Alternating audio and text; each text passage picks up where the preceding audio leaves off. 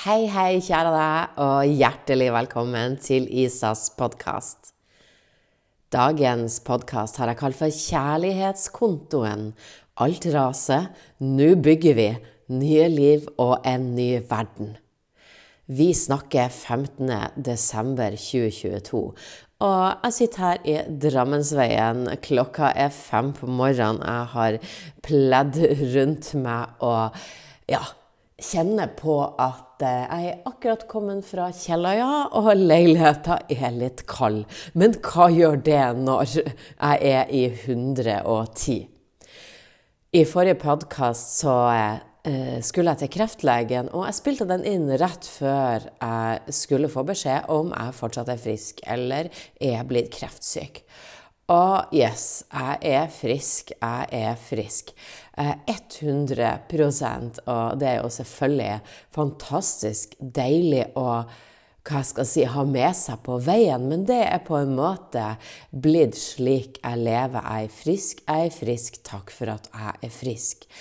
Eh, allikevel så er det viktig å få litt av den historien rundt det å eh, få dødsdommen, få uhelbredelig kreft, og så oppleve eh, miraklet å bli frisk. Så jeg kommer ut med eh, en engelsk eh, versjon, faktisk, av den første eh, Hva jeg skal si kreftboka. Jeg vil nesten si utkastet, fordi at den ble downloada og lest inn på engelsk for to år siden, men nå er den klar for å komme ut, så den er rett rundt hjørnet her, hvis den ikke er ute når du, når du lytter. Men kjære deg, eh, jeg lever et spennende liv med total indre ro. Og det jeg kjenner på nå, er at jeg har vel aldri før syntes at livet på jorda var så ufattelig spennende som akkurat nå. Og vi skal dypdykke litt inn i det i dag. Fordi eh, tenk deg det at du kjenner at du er på jorda med en mission. Du har en livsoppgave, en sjelsoppgave.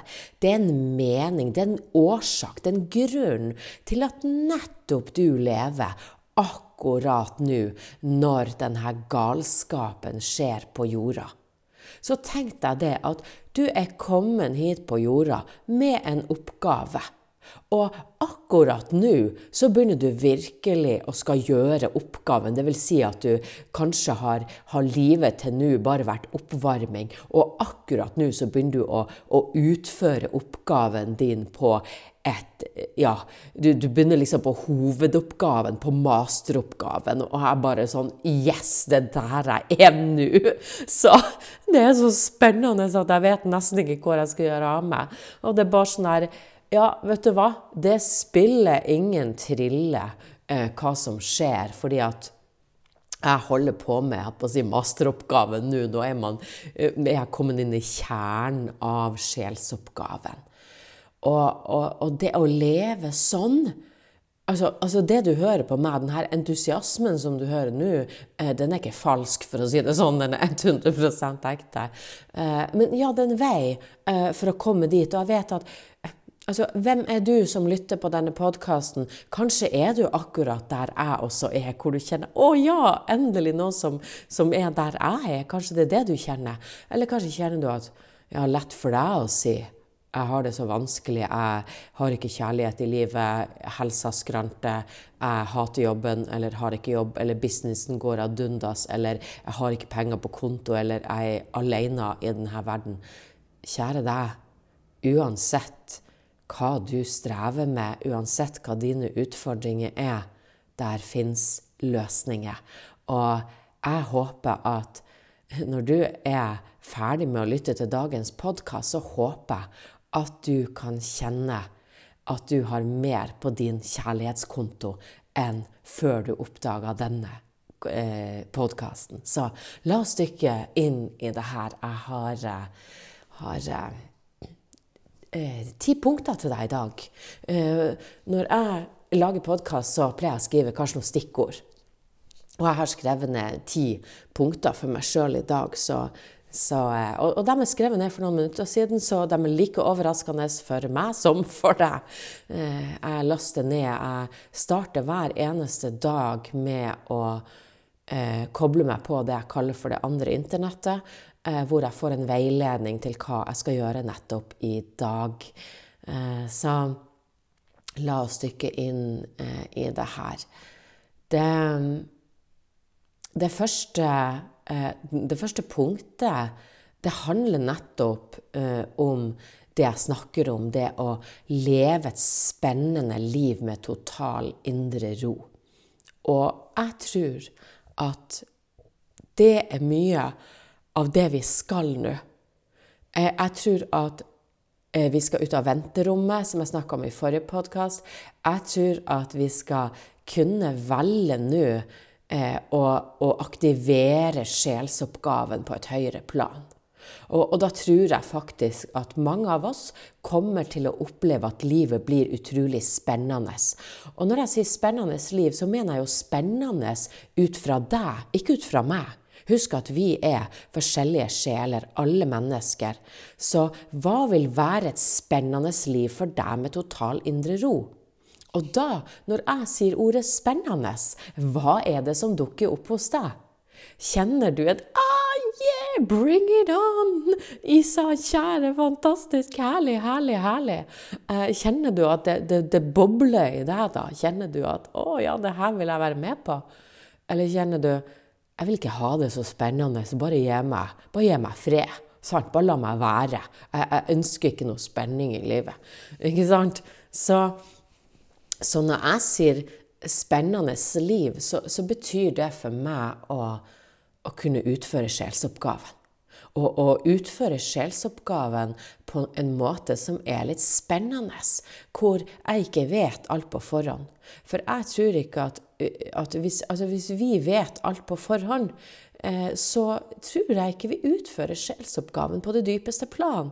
For jeg tror ikke det er meninga at vi skal se alle brikkene. Eh, lykken er å ikke vite, um, fikk jeg på en eh, ramma inn i en uh, lilla en, uh, et uh, lilla si, kunst, uh, vil jeg si. Hvordan lykken er å ikke vite fra eh, ei guddatter. Bare yes. Og den er så sann. Lykken er å ikke vite. fordi at når vi tør å gå uten å vite, når vi tør å våkne opp hver dag og si wow, gud, hvor spennende, tro denne dagen hva den vil bringe meg, eh, og bare gå steg for steg uten å vite. Sant? Men, men det veldig mange mennesker velger, er jo et liv som ikke er spennende. Og, og, hva betyr det? Jo, det er et liv som er forutsigbart, som er copy-paste, hvor vi gjør det samme dag ut og dag inn. Og hva er det som skjer nå i verden? Vi kan faktisk ikke gjøre det samme dag ut og dag inn. Det ser mennesker nå at det strekker faktisk ikke til. Um, og med det så skal jeg hoppe inn i punkt to, eh, som handler om nye løsninger. Eh, og da kan du si at OK hvis vi velger å leve copy-paste, vi velger å leve livet på samme måte som vi levde i fjor og året før der og for fem år siden og ti år siden Sorry å si det, men det virker faktisk ikke lenger. Det virker faktisk ikke lenger eh, å leve på den gamle måten. Ja, vi kan tyne og presse og skvise og stresse og kave og krype og gå inn i offerrollen og synes synd på oss sjøl eh, og, og, bli sint og, og, hysterisk og for alt som skjer ute i verden. Eh, kjære, kjære dere, sorry, det virker ikke. Eh, I hvert fall i min verden, og det er en av grunnene, tror jeg, til at jeg er frisk, og at jeg kommer til å, å, å gjøre det helt fantastisk fremover, er fordi at jeg er ikke et offer. Selv ikke når jeg fikk dødsdommen uhelbredelig kreft, så ble jeg et offer. Jeg fikk ikke engang frykt. Jeg valgte å gå inn i kjærligheten.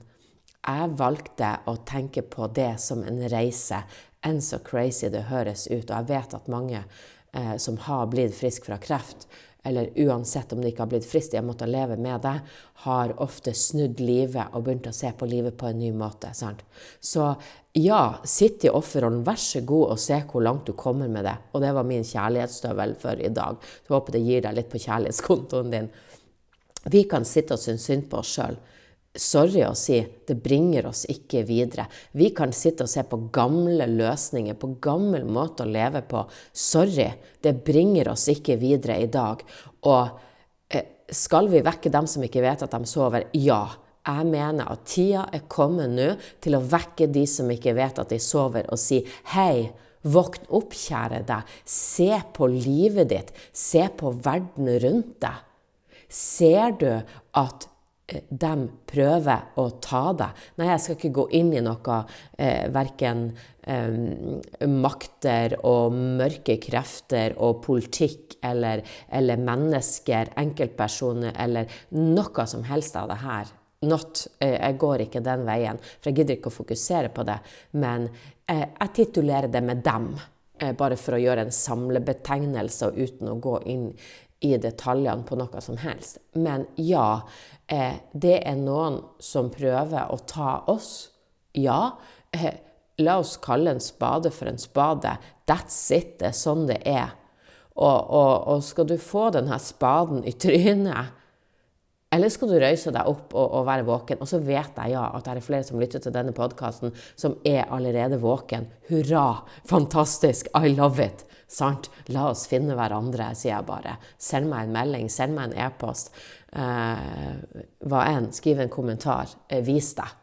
Eh, så den her, altså podkasten som jeg spiller inn, husk at i de ti punktene som jeg skal dele, jo, så vil det kanskje være eh, tre av punktene hvor du kjenner at Ja, men Isa, det her vet jeg.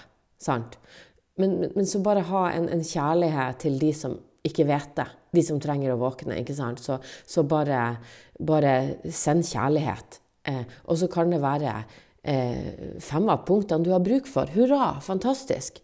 Og så er det kanskje to av punktene du er uenig med meg. Ja, men hurra! Helt fantastisk! Jeg har lært så masse av mennesker som jeg er uenig med. sant? Så Alt det her er gjort av kjærlighet. Det er for å, for å fylle på din kjærlighetskonto. Så enn så hva skal jeg si, hissig jeg høres ut, så er det kjærlighetsstøvelen som er her. Så la oss se. OK, uh, nå Nå ser vi at uh, Hva skjer? Jo, strømmen blir dyrere. Folk sitter i frykten. Jeg kommer fra Kjelløya nå, og vi, vi ser jo der hva som skjer. Vi sitter med et bygg som er 1265 kvadrat. Lykke til! sant? Eh, og vi bare blir skvisa og skvisa og skvisa i, i forskjellige. sant? Og da, da kan man gå inn i frykten og si at å nei, vi må bare stenge igjen fordi at vi kommer til å få så høy strømregning. Um, men, men, det jeg ser da, er at sammen, sant eh, Sammen i kjærlighet. Altså, hvis du har vært god med kjærlighetskontoen, for å si det sånn Hvis du har eh, gitt av din kjærlighet til andre, du har fylt på andre eh, med kjærlighet. Du, du, har på en måte vært raus med din kjærlighetskonto. Så du har gitt og gitt og gitt og gitt. Og, og det som skjer da, er at du mottar og mottar og mottar og mottar. Og kjærlighetskontoen sant, den fylles på på så mange måter. Og, og, det jeg ser nå, er at ja, det spiller ingen rolle hvor, hvor dyr denne strømmen blir, fordi at eh, jeg er omgitt av mennesker som har kunnskap til hvordan vi skal løse det her sammen. Så vi finner nye løsninger, sånn at vi kan være i overfloden. Vi finner nye måter eh, å gjøre det her på. Jeg skal snakke mer om det litt på slutten av podkasten med off-grid og litt forskjellig eh, gøy. Så, så, så, greia er at uansett hva som kommer, om det er strøm eller mat eller eller eh, fare for business eller jobber, eller hva enn det måtte være. Eh, så, så, la det bare vise seg. La det bare få lov å komme frem.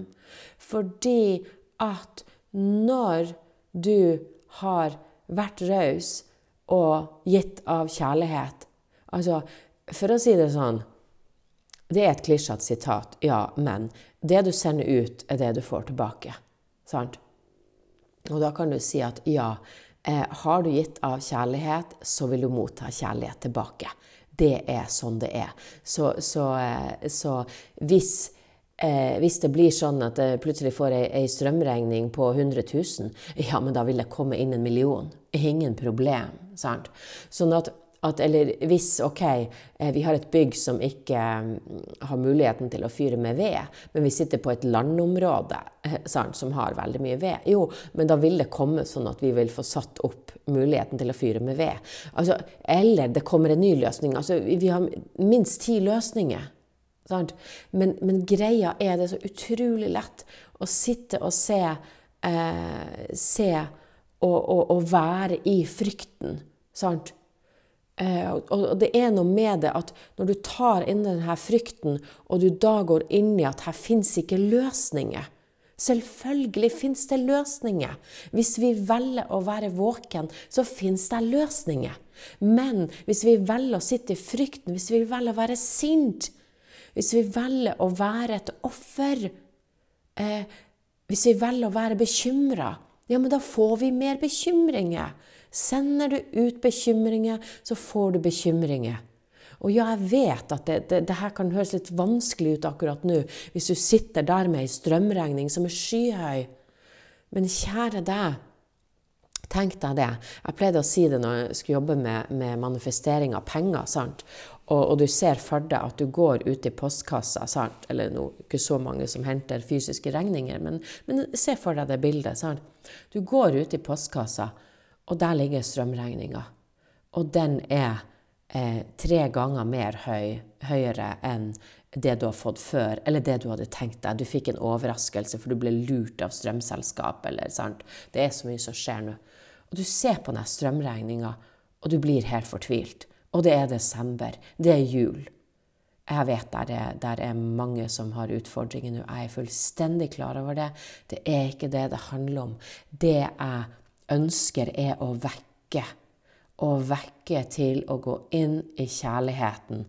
Og så Men la meg bare ta den storyen ferdig først. Du tar den strømregninga, så ser du på den, og så blir du fortvilt så blir du sint, så blir du stressa, og du aner ikke hvordan du skal betale den, eller du vet at den regninga må du betale med hardt oppsparte midler som du kanskje har spart på i flere år og skulle brukt til noe annet. Og det tappes og det tappes og det tappes. Og du blir fortvilt, og du blir sint, og du ringer til en venn som også har fått en strømregning som er skyhøy, og sammen så sitter dere der i sinne og sender ut edder og galle og frustrasjon og frykt osv. Kjære deg, hvis du har gjort det, hvis du kjenner deg igjen, ta den strømregninga, gå og legg den tilbake i postkassa, og så går du ut på nytt. Og før du går, så sier du at 'jeg har tilgang til alt'. Jeg har kjærlighet, jeg har frihet, jeg har overflod. Jeg tror at alt er mulig. Jeg vet at alt er mulig. Jeg lever i kjærlighet. Jeg lever innenfra og ut. Det enkleste i verden er å fremskaffe penger. Jeg er en pengemagnet. Jeg har overflod. Tusen, tusen takk. Kjenn at du har overfloden. Hopp ut, dans ut til postkassa og plukk opp den strømregninga på nytt og smil når du ser den, og takk for den tjenesten du fikk med den strømmen.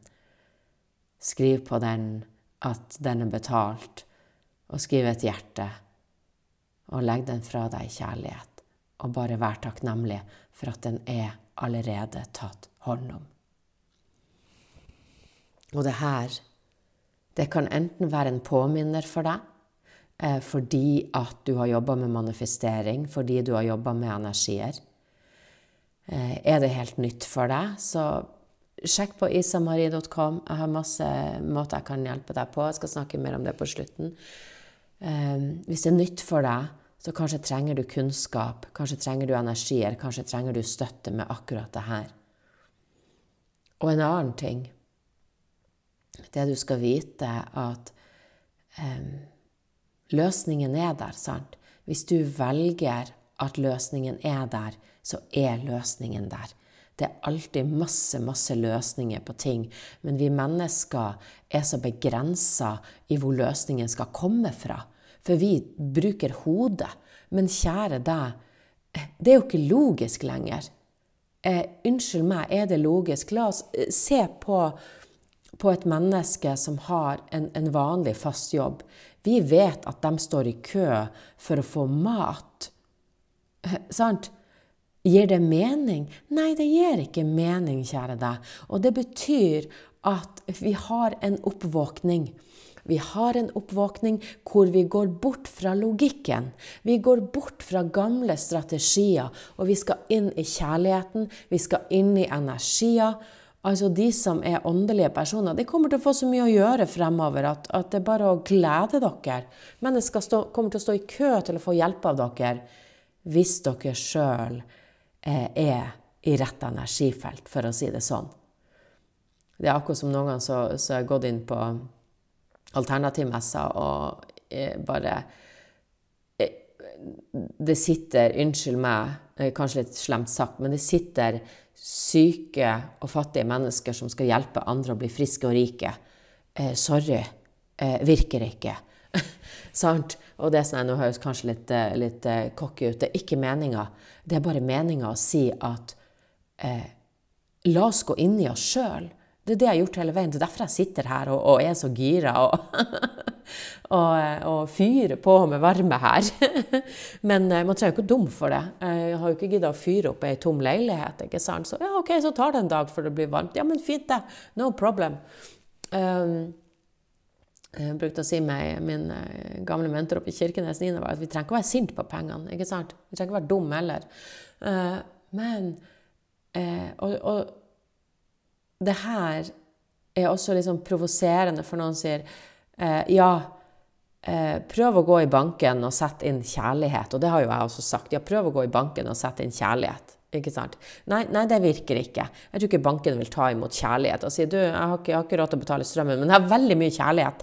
Kan jeg bare få, få sette inn Nei, for det her skal jo overføres, ikke sant? Så når jeg sier kjærlighetskontoen Nei, så kan du ikke betale strømregninga di med kjærlighet. Men det du kan gjøre, er å gå så dypt inn i kjærligheten hos deg sjøl at du overgir deg til kjærligheten.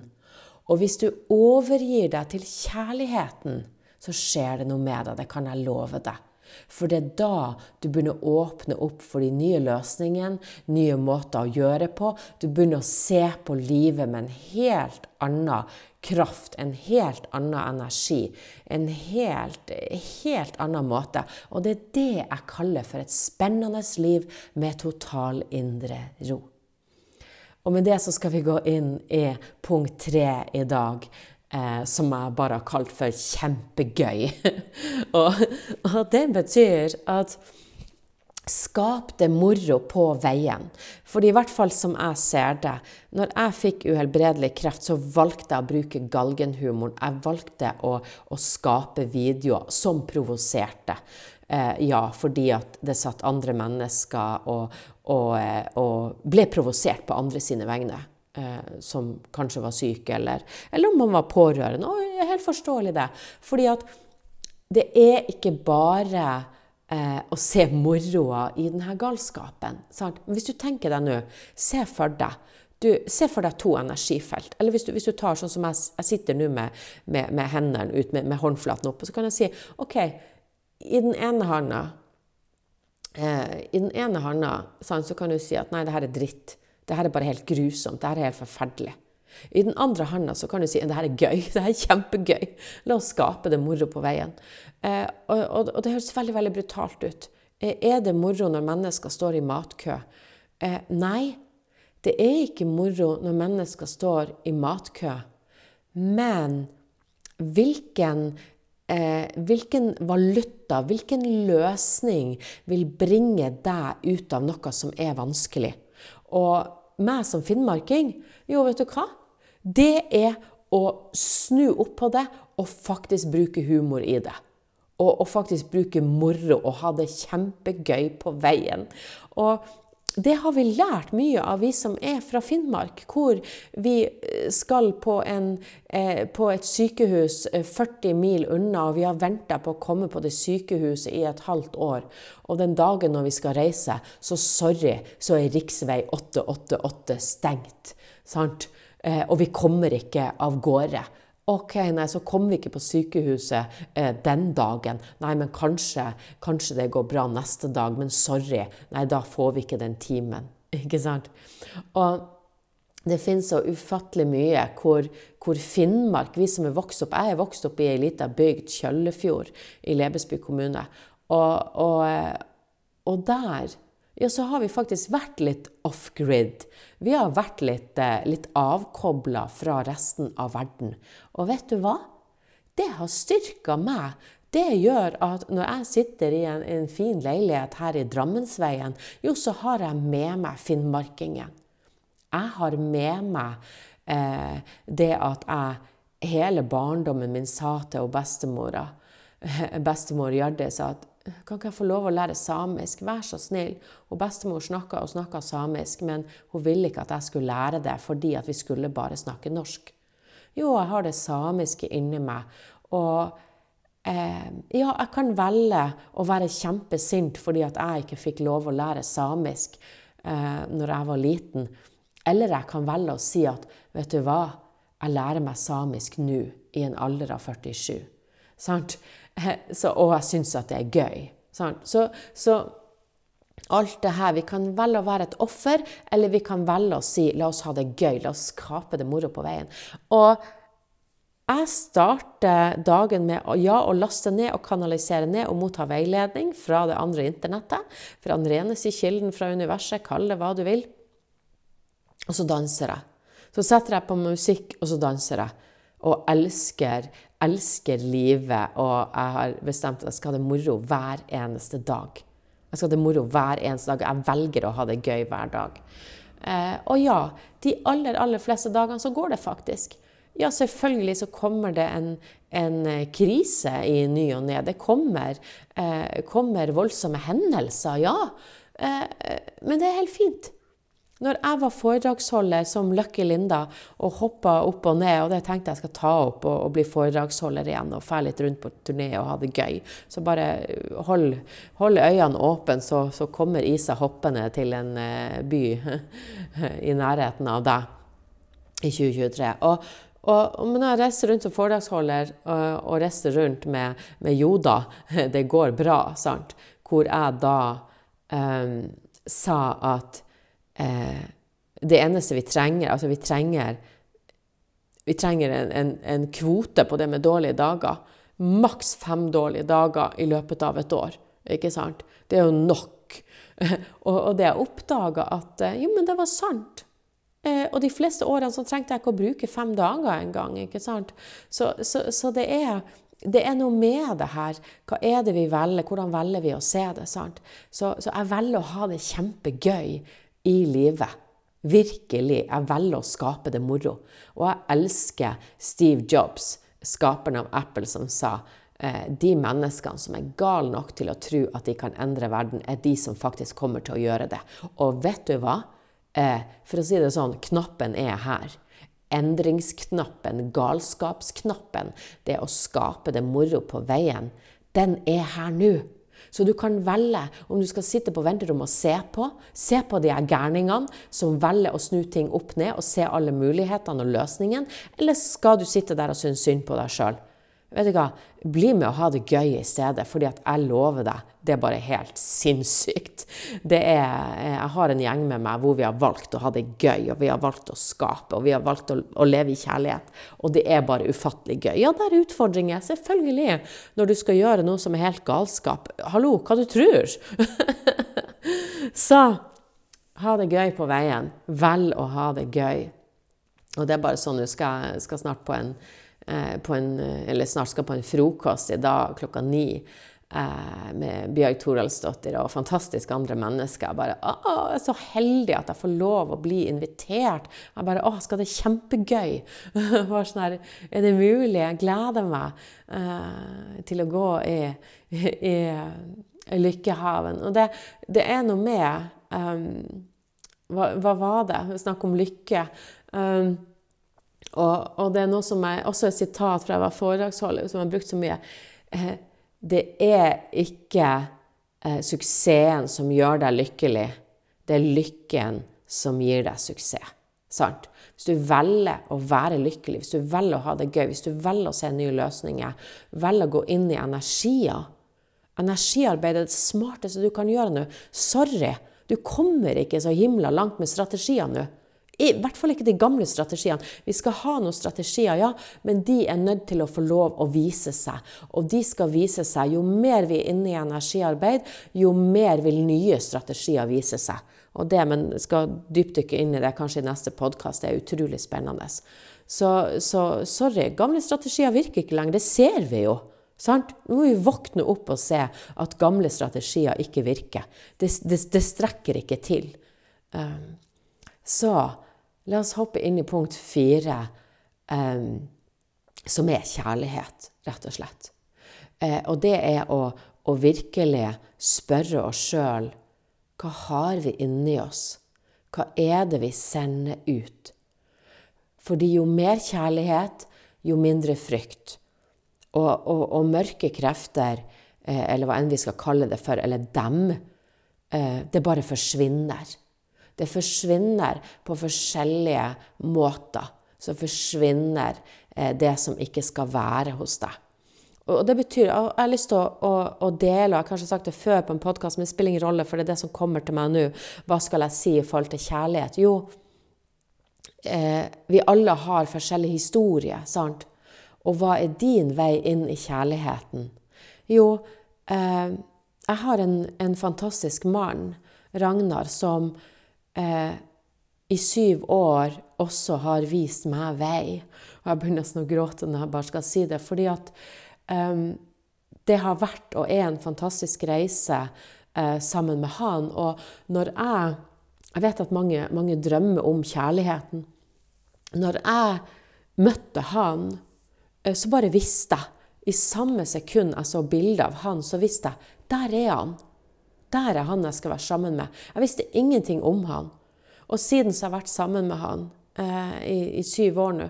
Og, og, og den det, det, har ganske nylig så det er som jeg har skjønt hvorfor jeg har vært sammen med han. Hva er det han har vist meg? Og det er helt fantastisk å ha Altså om det er kjærlighetsforhold eller familie eller venner eller eh, businesspartnere eller i et annet nettverk eller organisasjon, hva enn det er for noe. Vær sammen med mennesker som kan vise deg kjærlighet, som kan hjelpe deg på veien. Og, og, jeg er bare så takknemlig av hele mitt hjerte at jeg vet nesten ikke Jeg har ikke ord for det.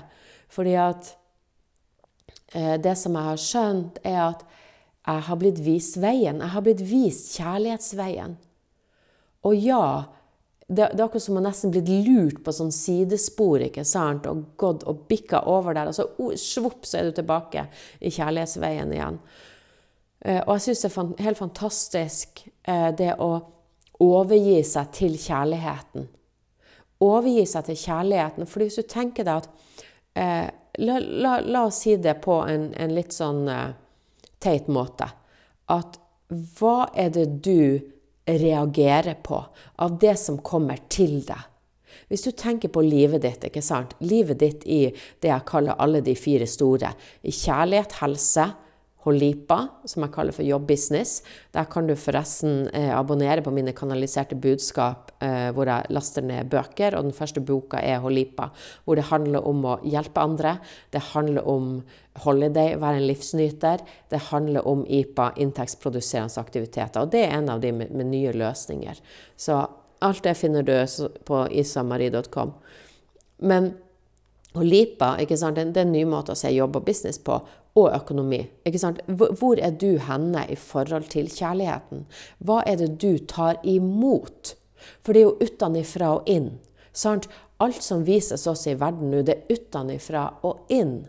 Når jeg sitter her eh, og sitter og, og hører på eh, Ave Maria som spilles her av eh, musikk og, og fantastisk, og så hører jeg det ropes utafor fordi jeg er rett ved den russiske ambassaden og de demonstrerer, så setter jeg meg ned og så sender jeg kjærlighet til dem.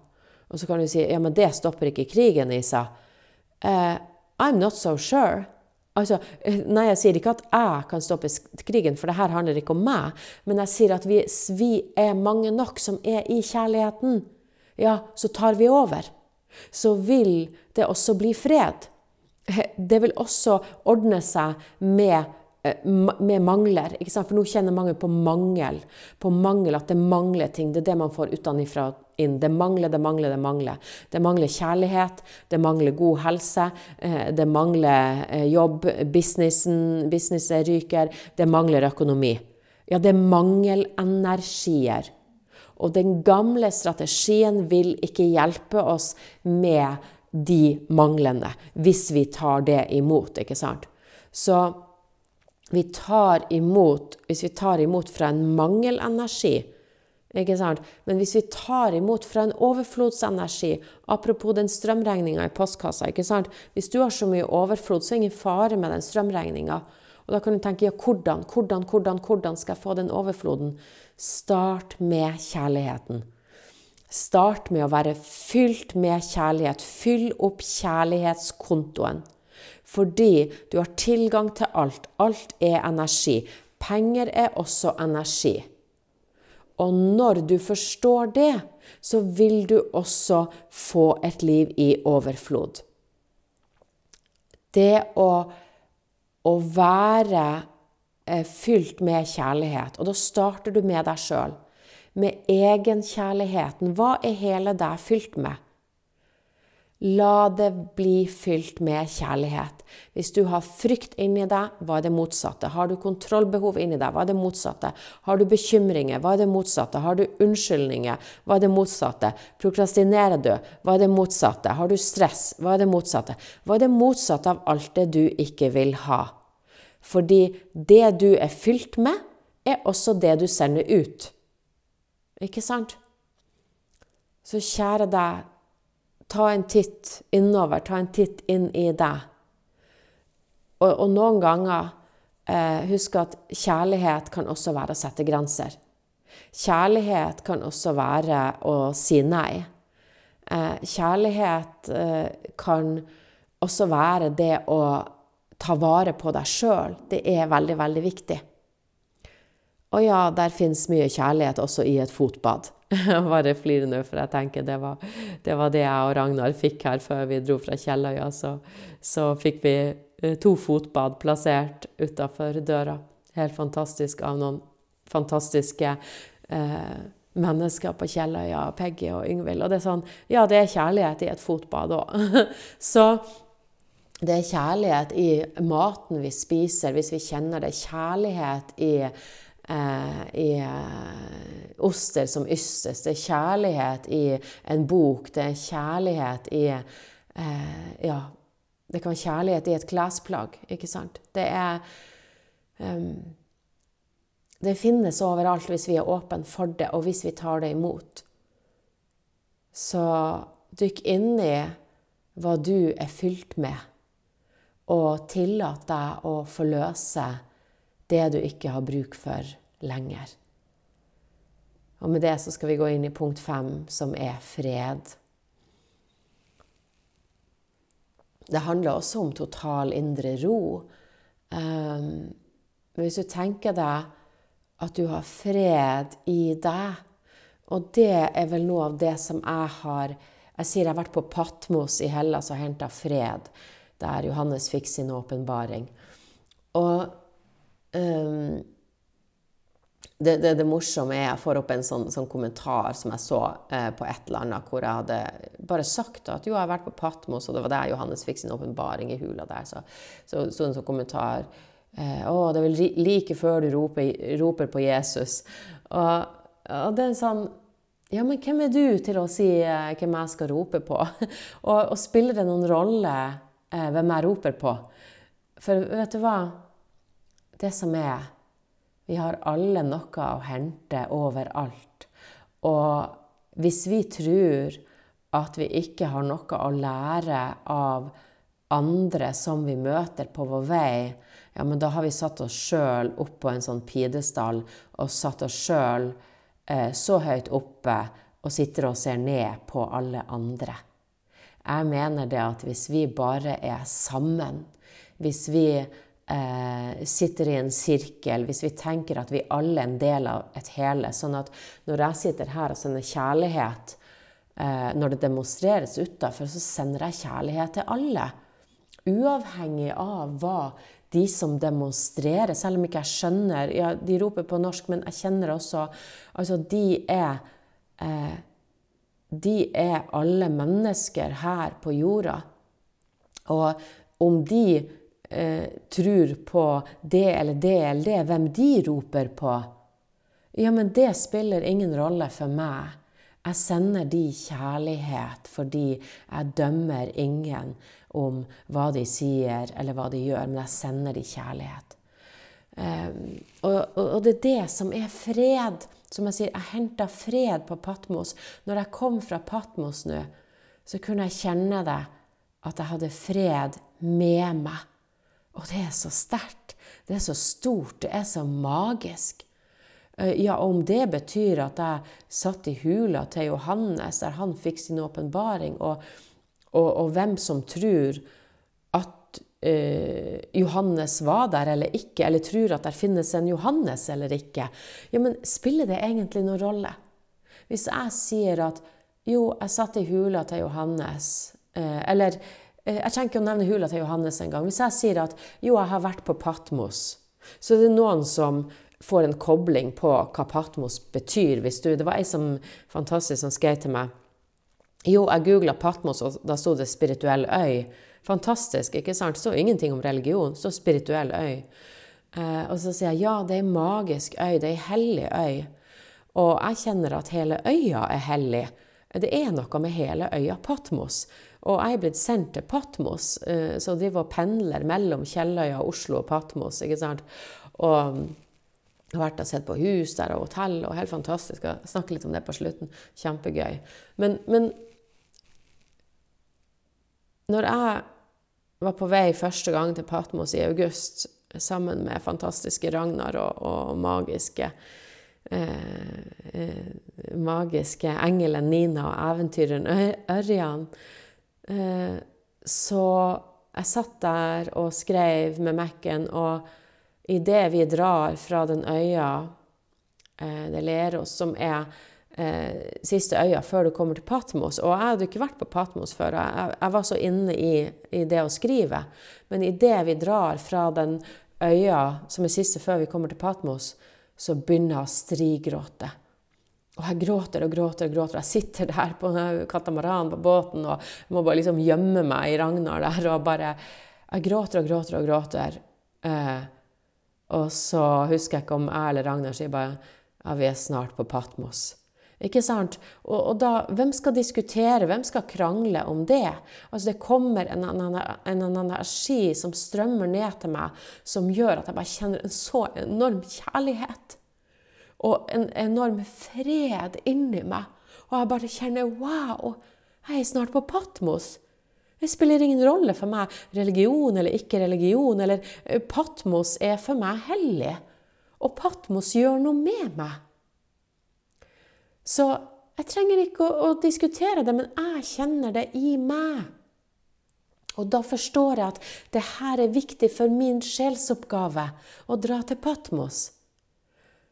Og så reiser jeg til Patmos igjen og igjen og igjen, og, og har vært der i en litt, litt lengre periode nå og bare kjenner at hver gang jeg kommer fra Patmos, så har jeg noe med meg.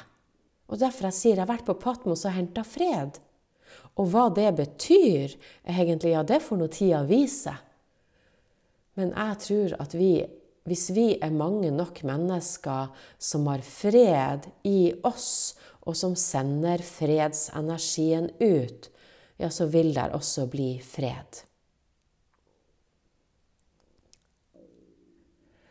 Neste punkt jeg skal snakke om, heter et magisk liv. Fordi et magisk liv Jeg føler at jeg lever et magisk liv. Eh, og, og, hva er det? Jo, Tenk deg magi. Tenk deg trylling. Tenk deg en, en tryllekunstner som, som plutselig så, så, er det noe der. Ut fra intet så bare popper det opp. Og det er nettopp det. Vi har alt. Vi har alt. Så se, se på deg sjøl som at du lever et magisk liv. At du kan velge et magisk liv, kjære deg. Du har muligheten til å velge et magisk liv. Vi har alt. Vi velger. Vi velger. Og, og, hvis du velger å være en hjelper, eller som jeg Jeg kaller det at jeg er en tjener. Jeg er en tjener på jorda. Jeg har en sjelsoppgave, en livsoppgave, kall det hva du vil, en lidenskap, en intuisjon. En, en, en, Jeg får beskjed hva jeg skal gjøre, og jeg gjør det. Jeg utfører. Sant? Jeg mottar veiledning, og jeg utfører. Så, så jeg er en hjelper, en tjener. Eh, og jeg har sagt ja til det for en god stund siden, eh, hvor jeg har sagt 'vis meg veien, og jeg skal gå'. Og jeg blir vist veien. Og, og noen ganger så er veiledninga jeg får, veldig, veldig tøff. Den er knalltøff å ta imot, og, og den føles grusom å utføre. Men jeg vet at det er kjærlighet bak det. Og i etterkant så vet jeg at jeg vil se hvorfor jeg gjorde som jeg gjorde. Så tenk deg det at uansett hvordan du ser det, om du skal eh, Det er også noe jeg har hatt med meg i mange år. Decide, commit, succeed. Sant? Ta valget, forplikte deg, så kommer suksessen. Og suksess for meg i dag er noe helt annet enn suksess for noen år siden, hvor jeg hadde VIP for gründere og mastermind og, og var, var, opptatt av å ja, og, og, lenger tilbake var veldig opptatt av å få den økonomiske overfloden. Og, og er opptatt av det i dag, men ikke på, på den ikke, ikke, av de hvorfor-grunnene, ikke sant? Jeg gjør det ikke av de gamle grunnene. Jeg gjør det pga. min sjelsoppgave. Så det å, å, eh, å, se at du har tilgang til alt, du har alt, det å tenke deg at, eh, at du er en liten sånn tryllekunstner i livet ditt, og tenk at livet er magisk. Og, og, og når du går inn i der Wow! Tro hva som skjer i dag. Wow! Tusen takk for en ny dag. Wow! Jeg er så takknemlig for livet, sant? og bare gå inn i den der herlig, herlig, herlig. Sant? Livet er magisk og fantastisk. Når du begynner å velge å oppleve, når du begynner å velge å sende ut magiske energier og gå inn i magiske følelser og tanker og gå inn og bare tenke altså, Gå tilbake til den strømregninga i postkassa. Du har dansa deg ut og henta opp den strømregninga og bare takker for at den er betalt. Og så går du inn i nysgjerrigheten og sier Tru hvor det kommer fra. Tru hvor det kommer fra. Tru hvor de her pengene bare skal poppe opp, sånn at jeg merker ikke engang at jeg betaler strømregninga. Bare wow! Så spennende! Tru hvordan det her skal ommøbleres. Fordi kjære deg, når du begynner å leve et magisk liv, da begynner universet å ommøblere for deg. Det er nettopp det som er litt trylling, for å, for å gjøre det veldig forståelig. Ikke sant? Så se for deg at jo, i det ene øyeblikket så var det en gammel sofa der. I neste øyeblikk så står det en ny sofa der. Og det er en sånn magi som jeg føler når jeg, når jeg, kommer inn her på ambassaden, som vi kaller det, PV, Purple World-ambassaden. Skal snakke litt om, om Purple World på slutten av podkasten. Mitt livsprosjekt. Men, men eh, i begynnelsen så eh, var det jo ikke sofaer her når jeg, når jeg begynte å leie leiligheter. Ikke sant? 200 kvadrats leilighet i, i Drammensveien, og, og skulle fylle den her.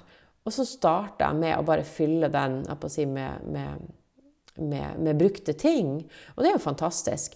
Eh, men vi hadde litt sånn travel, så jeg fylte den med møbler som jeg egentlig ikke ville ha. Det var skinnmøbler som vi henta i siste, liten, siste dagen vi hadde en leiebil og måtte bare få et eller annet å sitte på her. Så vi bare henta noen skinnmøbler. Det var kjempestyr med ekornes ned fra fjerde etasje og uten heis. Og til slutt så, så bare Jeg klarer ikke å bære mer. Og hva er det? Jo, det er en gammel historie. Det er en gammelt liv hvor jeg bar alt sammen når jeg skulle flytte. Jeg er jo en nomade, en flyttsame. Så jeg har jo flytta 18-14-30 ganger sant, til. Og, Og plutselig slår det meg at oi, Isa, du har penger på konto, du trenger ikke å bære Ekornes-møbler fra fjerde etasje eh, og ned. Jeg klarte ikke å løfte. Så plutselig skjønte jeg at jeg kunne betale noen til å bære det både ned og opp. Men, men så kom nå de her skinnmøblene, og hva er storyen? Det handler ikke om møblene, men heng med, kjære deg. Jeg pleide å si nå går jeg veldig tilbake til foredrag, og det er ganske interessant, for det, det er jo derfor man får opp ting, ikke sant? Og han skal begynne å holde foredrag igjen. Men da pleide jeg å si, for jeg gikk konkurs for 20 år siden, og jeg lærte meg å leve et lykkelig liv uten penger. Det var jo den første reisen for 20 år siden. Jeg så at jeg var lykkeligere enn naboen som kjørte den fine bilen, men så unnskyld meg, jævla grinete ut hver dag. Mens jeg hadde det kjempegøy. Så jeg sa at vet du hva? Eh, du tenker de samme tankene i en gammel sofa som i en ny sofa. Det er bare at du sitter litt bedre med de gamle crappy tankene dine. Og jeg mener akkurat det samme i dag. Om du sitter i en gammel, gammel sofa og sitter og gråter over strømregninga, jo, eh, tro meg, det sitter masse folk i en ny sofa og gråter over strømregninga. Det sitter folk som du, hvis du har utfordringer med økonomien, så sitter det folk som du tror kanskje eh, bare syns alt er en walk in the park. Tenk deg mennesker som har ansvar for 200 ansatte. Det er veldig mange av de som ikke sover godt om natta nå. De gråter over de ansatte som de kanskje må gi slipp på fordi kanskje businessen går konkurs. Så, så, så, ikke tro alt du ser. Men den, den gamle, de gamle skinnsofaene som var her, etter ei stund så, så, så forsto jeg, jeg visste jo at, at, de skulle opp til Kjelløy. Det er sånn vi gjør. Vi henter ting her, og så skal det opp til Kjelløya. Og plutselig en dag, sant? Og det var at jeg elska å sitte i de gamle skinnmøblene her på ambassaden. Elska å leve livet på ambassaden i de skinnmøblene. Og mest av alt så elska menneskene som satt i de skinnmøblene. Og når vi hadde åpning på ambassaden og Purple World, og bare folk satt i de skinnmøblene, og vi storkosa oss, og noen satt på gulvet, og det var bare smekkefullt av mennesker. Og nå, når jeg låste meg inn her, så låser jeg meg inn i en fantastisk, nydelig, vakker eh, stue hvor det er en grønn, herlig, herlig, bare helt smashing vakker sofa som jeg har kjøpt ny, ja. Men som vi fikk for halv pris, ja, for vi er gode å manifestere. Og som jeg sjøl ikke engang har vært og plukka ut eller båret opp.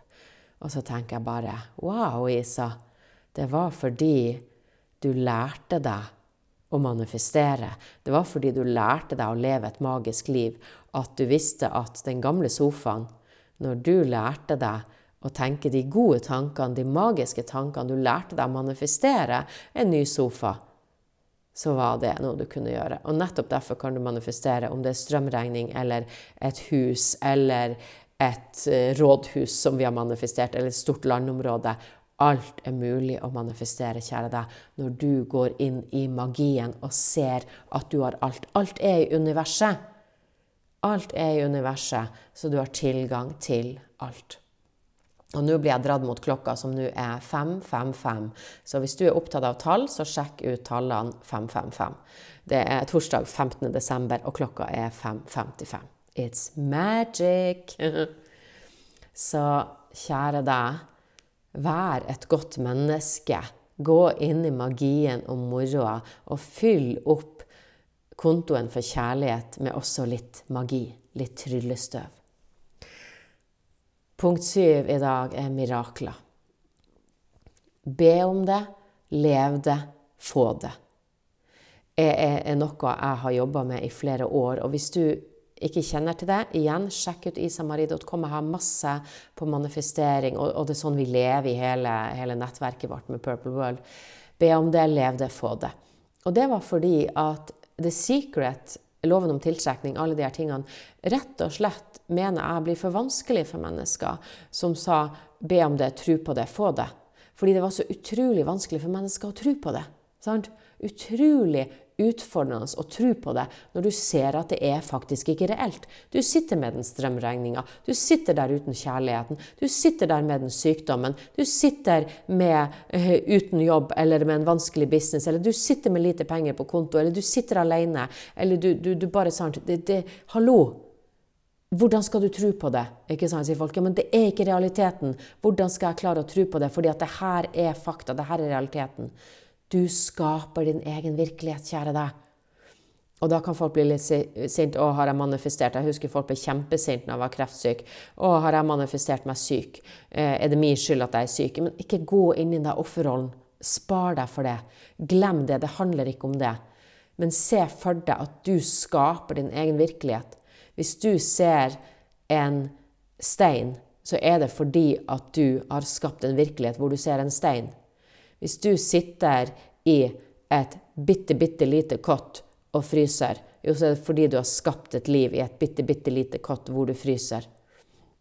Og, og, og det, sånn, det, høres grusomt ut, det høres slemt ut, men vet du hva, eh, kjære deg? Jeg sitter her eh, i Eh, et liv som er helt magisk, og et liv som er mirakuløst. Jeg sitter her fra å hatt en ganske crappy oppvekst, gått konkurs, fått dødsdommen uhelbredelig kreft, og, og ikke hatt så mye kjærlighet i livet mitt, eller noen som hadde trua på meg, bortsett fra min bestemor, til å sitte her så fylt med kjærlighet at jeg bare egentlig gråter hver dag. Jeg har så mye kjærlighet inni meg. Jeg har så mye kjærlighet rundt meg. Jeg har så mye kjærlighet som strømmer til meg at det er helt utrolig. Uansett hva jeg trenger hjelp med, så får jeg hjelp fra det beste, beste, beste, beste. Og hvorfor det? Jo, fordi jeg har gitt. Jeg har gitt og gitt og gitt. Og det er litt sånn, nå er det payback time. Nå mottar jeg. Nå får jeg. Eh, jeg har mennesker som er villige til å kjempe for meg. Eh, og, og, gå gjennom ild og vann for meg. Det er helt fantastisk. Og, og, og, jeg har mennesker som har så mye kjærlighet at jeg vet nesten ikke hvilken fot jeg skal stå på. Det bare rauser inn med kjærlighet. Jeg er bare sånn overfylt. Jeg er bare innhylla i kjærlighet. Ikke sant? Og det hadde jeg ikke før, kjære deg. Jeg, jeg låste meg inne på rommet da jeg var lita for å ikke bli seksuelt misbrukt av de alkoholiserte mennene som var hos oss hver dag. Tenk deg det! Jeg ble dødssyk, og jeg sitter her. Og, og kreftoverlegen klarte ikke å vente en gang til vi kom inn på kontoret eh, nå når jeg var på kontroll, og sier alle prøvene er fine, Isa. Hun klarte ikke å vente til vi kom inn på kontoret med å fortelle det. Fantastisk! Jeg er 100% frisk. Og når det gjelder jobb, business, hold lipa Vet du Vi bygger Jeg skal bygge verdens største bevegelse men jeg skal ikke gjøre det alene. Jeg skal bygge Purple World som verdens største kjærlighetsbevegelse. Jeg driver ikke vanlig business lenger. Jeg elsker hver en dag av det jeg opplever, og er mennesker rundt meg hvor vi har det gøy sammen, og vi elsker hverandre. Og jeg sa jeg ber om å få sånn og sånn penger på konto, og det går ti minutter, så står det mirakuløse penger på konto. Altså, hallo! What's not to like? Så jeg har gått fra min gamle historie, hvor det ikke lå i kortene, nei, at jeg skulle leve et magisk, mirakuløst liv i kjærlighet, frihet og overflod. Nei, det lå ikke i kortene. Men jeg sa alltid òg som foredragsholder du kan vinne med dårlige kort hvis du er god å spille. Så kjære deg, om du føler at du sitter med dårlige kort akkurat nå, begynn å spille på en smartere måte. Og den smarteste måten du kan spille på, det er med kjærlighet, med energier, med å omgi deg med de rette menneskene, med å be om det, med å leve som om det har skjedd 24-7, så vil du også motta det. Så nå er bare jeg ber om det, og vips, så er det der med letthet. Det er mirakuløst, men det er bare sånn her What? Uh, vil du ha det? Å ja, tusen takk. Vil du ha det? Å ja, tusen takk. Vil du ha det? Å ja, tusen takk. Mirakel, mirakel, mirakel. Og det som er interessant, er at eh, mirakler Hvordan jobber du med mirakler? Jo, når du har kjærlighet i deg, og når du har fred i deg. Når du ser at energier er noe av det viktigste vi kan jobbe med. Og jeg vet at eh, der sitter masse mennesker rundt omkring i Norge og i verdens land som jobber med energiene. For hva skjer når det blir krise i verden? Hva skjer med folk når det blir krise i verden? Jo, det skal fortelle deg. Da begynner de å tro. Da begynner de å gå til klarsynte. Da begynner de å få healing. Når mennesker blir veldig, veldig syke, selv om de ikke tror på healing, så sier de ja takk til å motta healing hvis de eh, er på dødsleiet eller tror at de, de, kommer til å dø. Når mennesker sant, er i krise og de tror her er ingen vei utenom, hva er det de gjør? Jo, de begynner å tro. I en eller annen form så begynner de å tro. Og med det så er vi inne i, i punkt åtte å tro. Så, så, så, hva er det her? Jo, det skal jeg fortelle deg at i mange år Og det her er faktisk det her er verdt millioner på trillioner på billioner hvis du catcher det her, det skal jeg love deg. For det er det her jeg har dedikert hele livet mitt til. Jeg fikk en så innsikt så stor at bare wow! Det er det jeg har lært, sant? For jeg har gått fra å leve i mangel. Og mangle, mangle, mangle. Mangler kjærlighet, mangler helse, mangler eh, jobb, mangler business, mangler penger, mangler, mangler, mangler, mangler mennesker. Jeg satt altså til store deler av livet og følt jeg har vært en outsider og lurt på hvorfor i alle dager er jeg blitt sendt ned til jorda.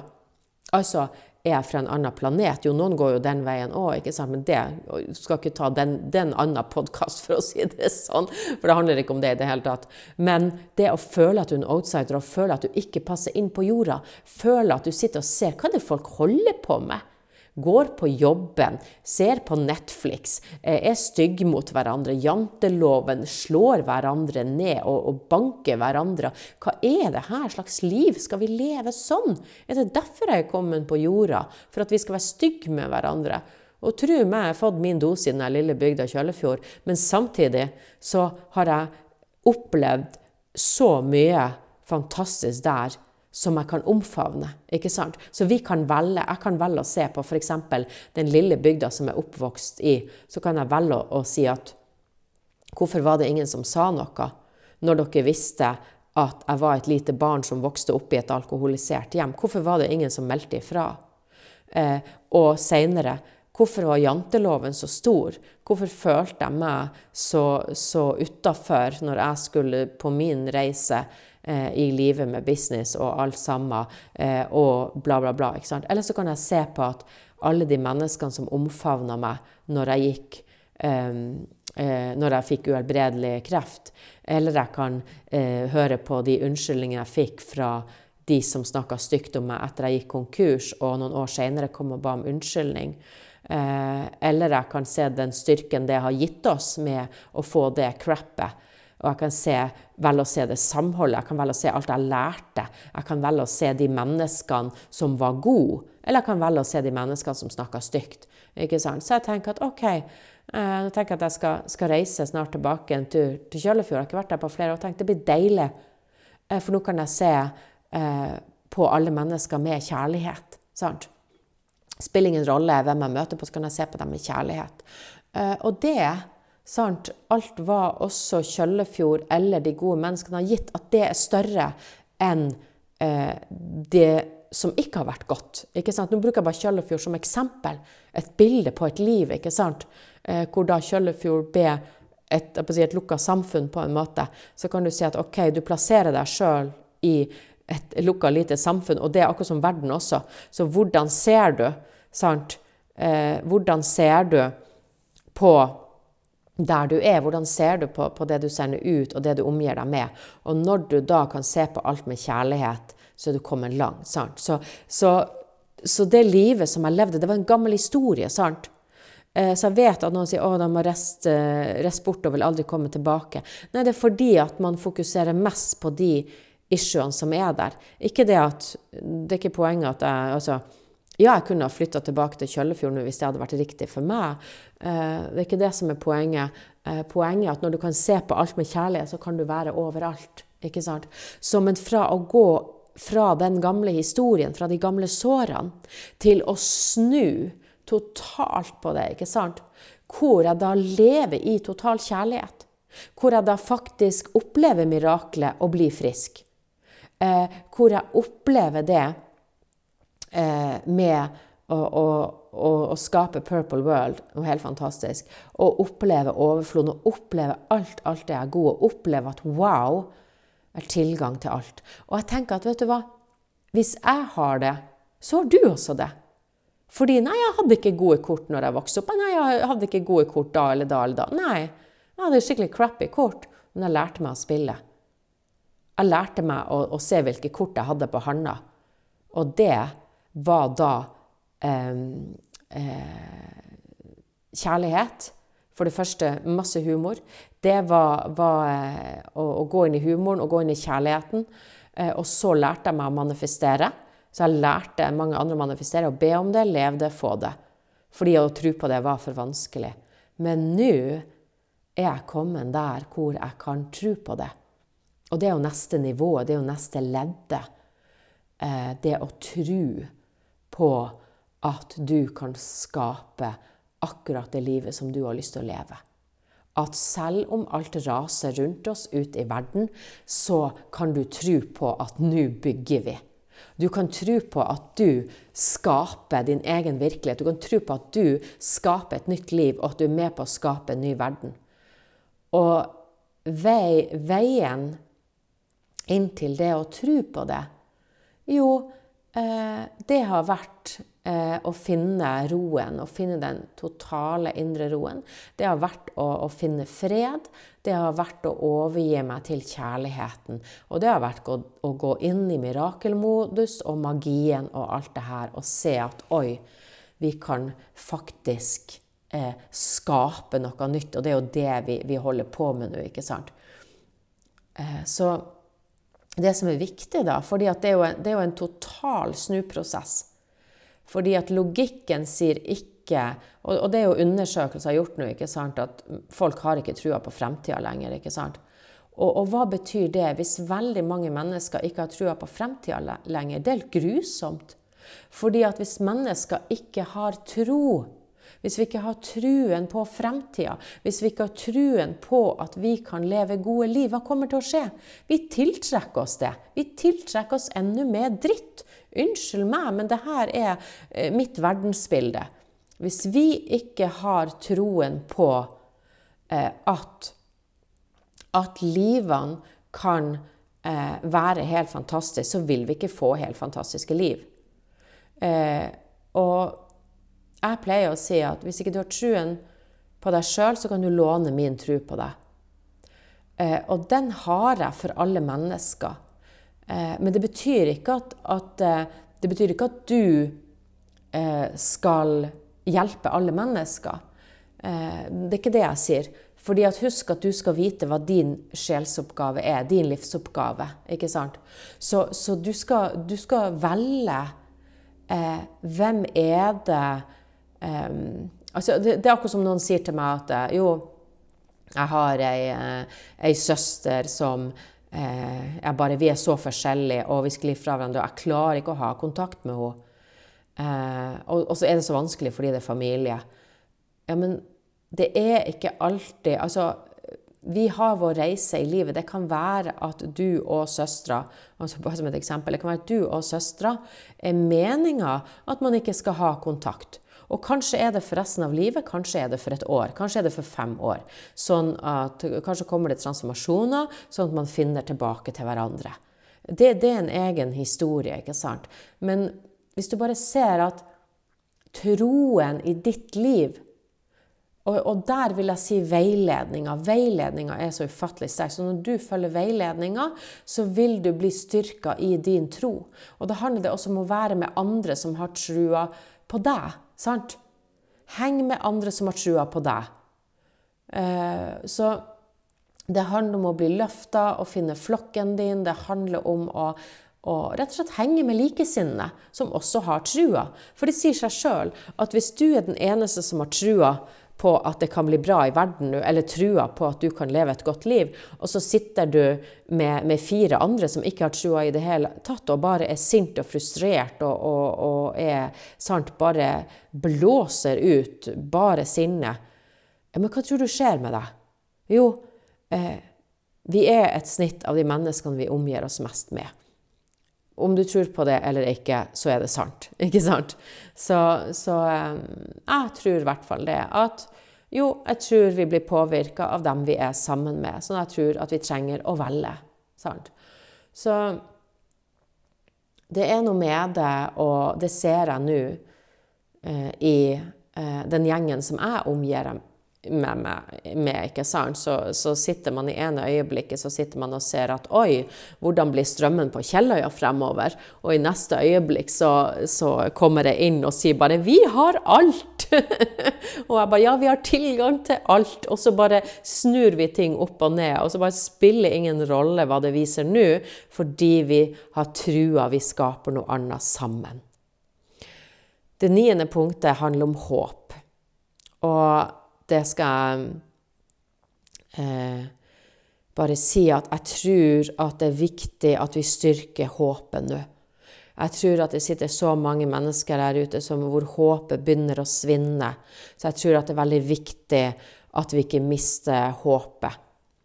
Eh, og det er eh, Det er eh, nå tilbake til ei som døde av kreft, som sa at når hun fikk litt, litt, gode nyheter, så tenkte hun å, da kan jeg kanskje oppleve at jeg blir 50. Og så sier kreftlegen at det kan vi ikke håpe på. Og da tenker jeg, hvem er du, kreftlege, som tar fra en kreftpasient håpet? Det skal du aldri, aldri gjøre. Det er ikke kreftlegen sitt ansvar. Det er ikke kreftlegen sin jobb å ta fra håpet. Det er ikke kreftlegen sin jobb å si at om en uke så er du død. Eh, og ja, jeg skjønner at de skal overbringe noe si, statistikk og noe hva som er gjort før, men eh, her fins også mirakler. Hva vil det si å miste håpet da i, eh, i livene vi lever nå, og i verden? Ikke sant? Jo, det vil jo være å resignere helt og bare, bare legge seg ned under dyna og bare si, vekk meg når det er over. sant? Eh, det å bare ikke, ikke, foreta seg noen ting. Og det er jo det de ønsker, hvis jeg skal gå inn i det. Det, det, er jo det som er ønska, at vi skal bli helt paralysert. At vi bare skal gi opp. At vi, at vi skal Der er ikke mer igjen. Ikke? Det går ikke an å fikse det, løse det. Sant? Å gå inn i en håpløshet. Det er jo det vi blir oppfordra til eh, nå. Eh, og det er en grunn til at vi snakker om en oppvåkning, og at det skal, det skal skje. Den nye livet og nye verden. ikke sant? Og, og, da kan du tenke Det er den ene enden. Det er helt håpløst. Det, man har ikke håp. Man, man, vet ikke hva man skal gjøre. Det bare, alt blir, blir bare vondere og vondere. vondere. Så kan du tenke det her, det her er bare starten. Det her er bare starten. Og så kan du tenke i den andre enden. Hva er det? Jo, i den andre enden så bygger vi er double down. Det er en sånn eh, Jeg er snart klar for å kjøpe et hotell på Patmos og kjøpe et hus på Patmos. Altså, og det er sånn Jeg skal gjøre det uten lån. Jeg skal cashe det ut. Eh, og det er en sånn Where? What? Ikke sant? Eh, fordi når du lever inni denne mirakuløse verden, når du lever inni den magiske verden, inni kjærlighetsverden, inni hvor du ser at ressursene er her Alt er her. Absolutt alt er tilgjengelig her for oss. Og, det er det motsatte. I den andre så er det så mye det er så mye kraft, det er så mye power, det er så mye styrke, det er superpower, det er wow. Det er bare sånn her eh, Og det, det, er Det er sterkt. Men samtidig så har vi ordene ikke med makt, ikke med kraft, men med ånd. Og, og det har vært eh, noe av mine største transformasjoner nå det å se at jeg trenger ikke gønne på. Det er derfor jeg sier, men det, men, men det kommer en kraft ut av det. Det er akkurat som når jeg ga slipp på å kjøre på og mase og streve og stresse eh, og være bekymra og bare jobbe, jobbe, jobbe, jobbe, jobbe ikke sant? eh, Når jeg bare legger det bort, ikke sant, og går inn i det motsatte og, vi har jobba så mye før på kurs og alt å stå i egen kraft. Sant? Vi har stått i egen kraft, stå i egen kraft, stå i egen kraft. Og, og så tenker jeg at ja, men jeg har stått så mye i min egen kraft i livet. Jeg, det, det, der er der. Jeg trenger ikke å fokusere på å stå i egen kraft eller stå i det. Nei, fordi jeg har fred i meg. Jeg er fylt med kjærlighet. Og jeg ønsker det beste for alle mennesker rundt meg. lever et magisk liv. Jeg opplever mirakler. Jeg har tro, jeg har håp, jeg har kjærlighet. Og, og, og i det så er den, den, den, styrken, som jeg sier, det er så mye styrke, så mye kraft, det er så mye power, det er så mye superpower. Men det kreves ikke energi lenger å bruke den styrken. Skjønner du, Det, det, det er akkurat som når du får opp varmen. ikke sant? Da, da, okay, det, det, koster litt å få opp denne varmen i denne 200 kvadrats leiligheten. Men når varmen først er her, så er den her. Når kjærligheten først har fått lov å bosette seg inni oss, når vi forstår at vi skaper vår egen virkelighet, så vil vi også kunne bygge den nye verden. Eh, og, og håpet blir jo bare ja, det er jo der, ikke sant? Det er jo der. Håpet er der, truen er der, kjærligheten. Alt er der. Friheten er der, overfloden. Alt er tilgjengelig, og alt kommer til oss. Og, og, da trenger hver og en av oss å se hva trenger vi å gjøre hvis du føler at du mangler noe, eller, eh, eller ja, du, du, er ikke helt der, ikke sant. Um, og så kan du si at ja, ting kan ta litt tid før det materialiserer seg, men samtidig så eksisterer ikke tid. Det får jeg snakke om i en annen podkast, men at ting kan skje i løpet av noen sekunder. Ting kan skje i løpet av natta. Eh, og det er ikke noe du kan Hva jeg skal si Det er ikke noe du, du kommer til. Det er noe som er. Det er noe du trenger å være. Og hvis du kjenner at det er vanskelig for deg å være der, så kanskje har du bruk for enten noen energier eller strategier, altså noe kunnskap. Om du trenger en bok eller et kurs eller en video eller en lyd eller hva enn det måtte være. Sant? Sjekk inn på isamarie.com. Kanskje finner du noe som du har behov for i dag. Kanskje trenger du å lære deg å kanalisere. Kanskje trenger du å lære deg å manifestere. Hva enn det er.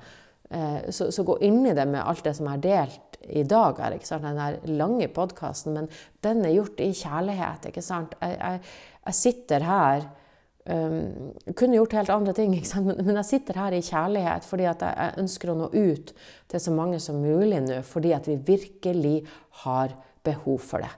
Vi har behov for, mener jeg, de tingene som jeg eh, har snakka om i dag.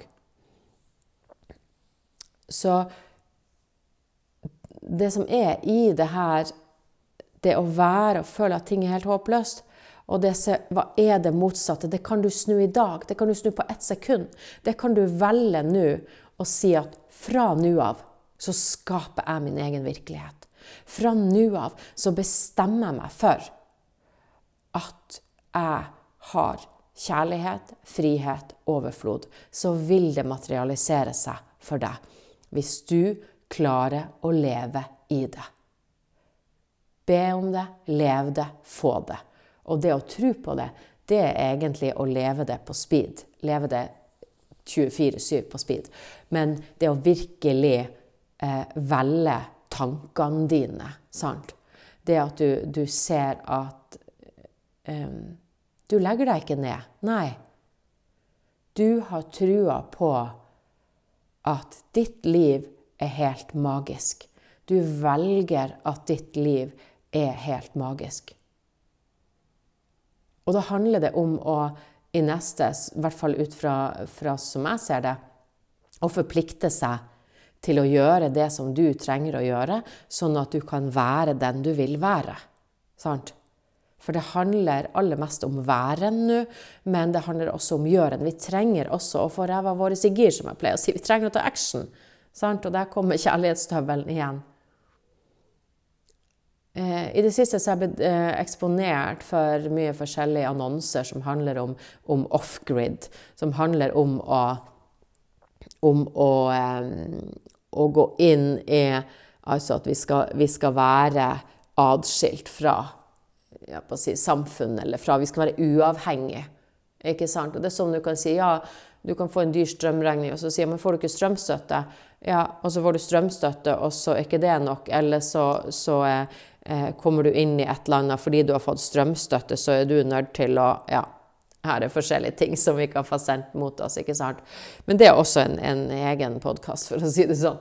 Men hvis du tenker deg nå at OK, jeg ble så fascinert av det her med off-grid at eh, det var noen som solgte et online-kurs det handla om at eh, du skulle kjøpe landområde, og så skulle du sette opp noe ja, eh, minihus eller hva enn det måtte være, og så skulle du ha Airbnb, og så skulle du, skulle du leve av det. Og da sto det at ja, de, de fikk eh, 30K, ikke sant. 300 eh, 000 eh, på en måned. Og så eh, ser du at det er liksom masse folk som Å, så spennende! Ja, fantastisk, herlig, det her vil jeg være med på, og gøy, gøy, gøy. Og så er det noen som og har gjort det her i ti år og tjener ikke 30K og for noe dritt og sånt. så, så, vi har begge deler i alt sammen. Eh, det som jeg syns var så interessant, er at nå begynner flere og flere å våkne opp, begynner å se at eh, Oi, det er kanskje ikke de som skal ta vare på oss, som vi trodde skulle ta vare på oss. Oi, eh, verden er kanskje ikke sånn som vi trodde den skulle være. Eh, støtten kommer kanskje ikke fra der vi trodde den skulle komme fra. Eh, og det er en sånn Hva trenger du, kjære deg? Eh, for jeg pleier alltid også Jeg skal fortelle litt om hva jeg kan tilby nå veldig snart. Men aller først eh, så vil jeg si til deg NRS. Neste rette steg. Og det er det er det som er eh, alltid mitt mantra. Og det lærte jeg faktisk av, eh, av, eh, ja, av flere forskjellige. Men men eh, eh, jeg kom ikke på eh, hvem jeg skulle på å si, dedikere det her til, om det var Oprah, Oprah eller Robert Kiyosaki eller eh, hvem, hvem enn det var. Det spiller ingen rolle. Mange inspiratorer. Men hvor man sier det her, og jeg tok den veldig langt. ikke sant? Alt du trenger, Hvis alt er kaos Hvis alt er kaos, så hva er ditt neste rette steg? Og det har jeg tatt til det ytterste hvor jeg ikke planlegger på gammel måte lenger. ikke sant?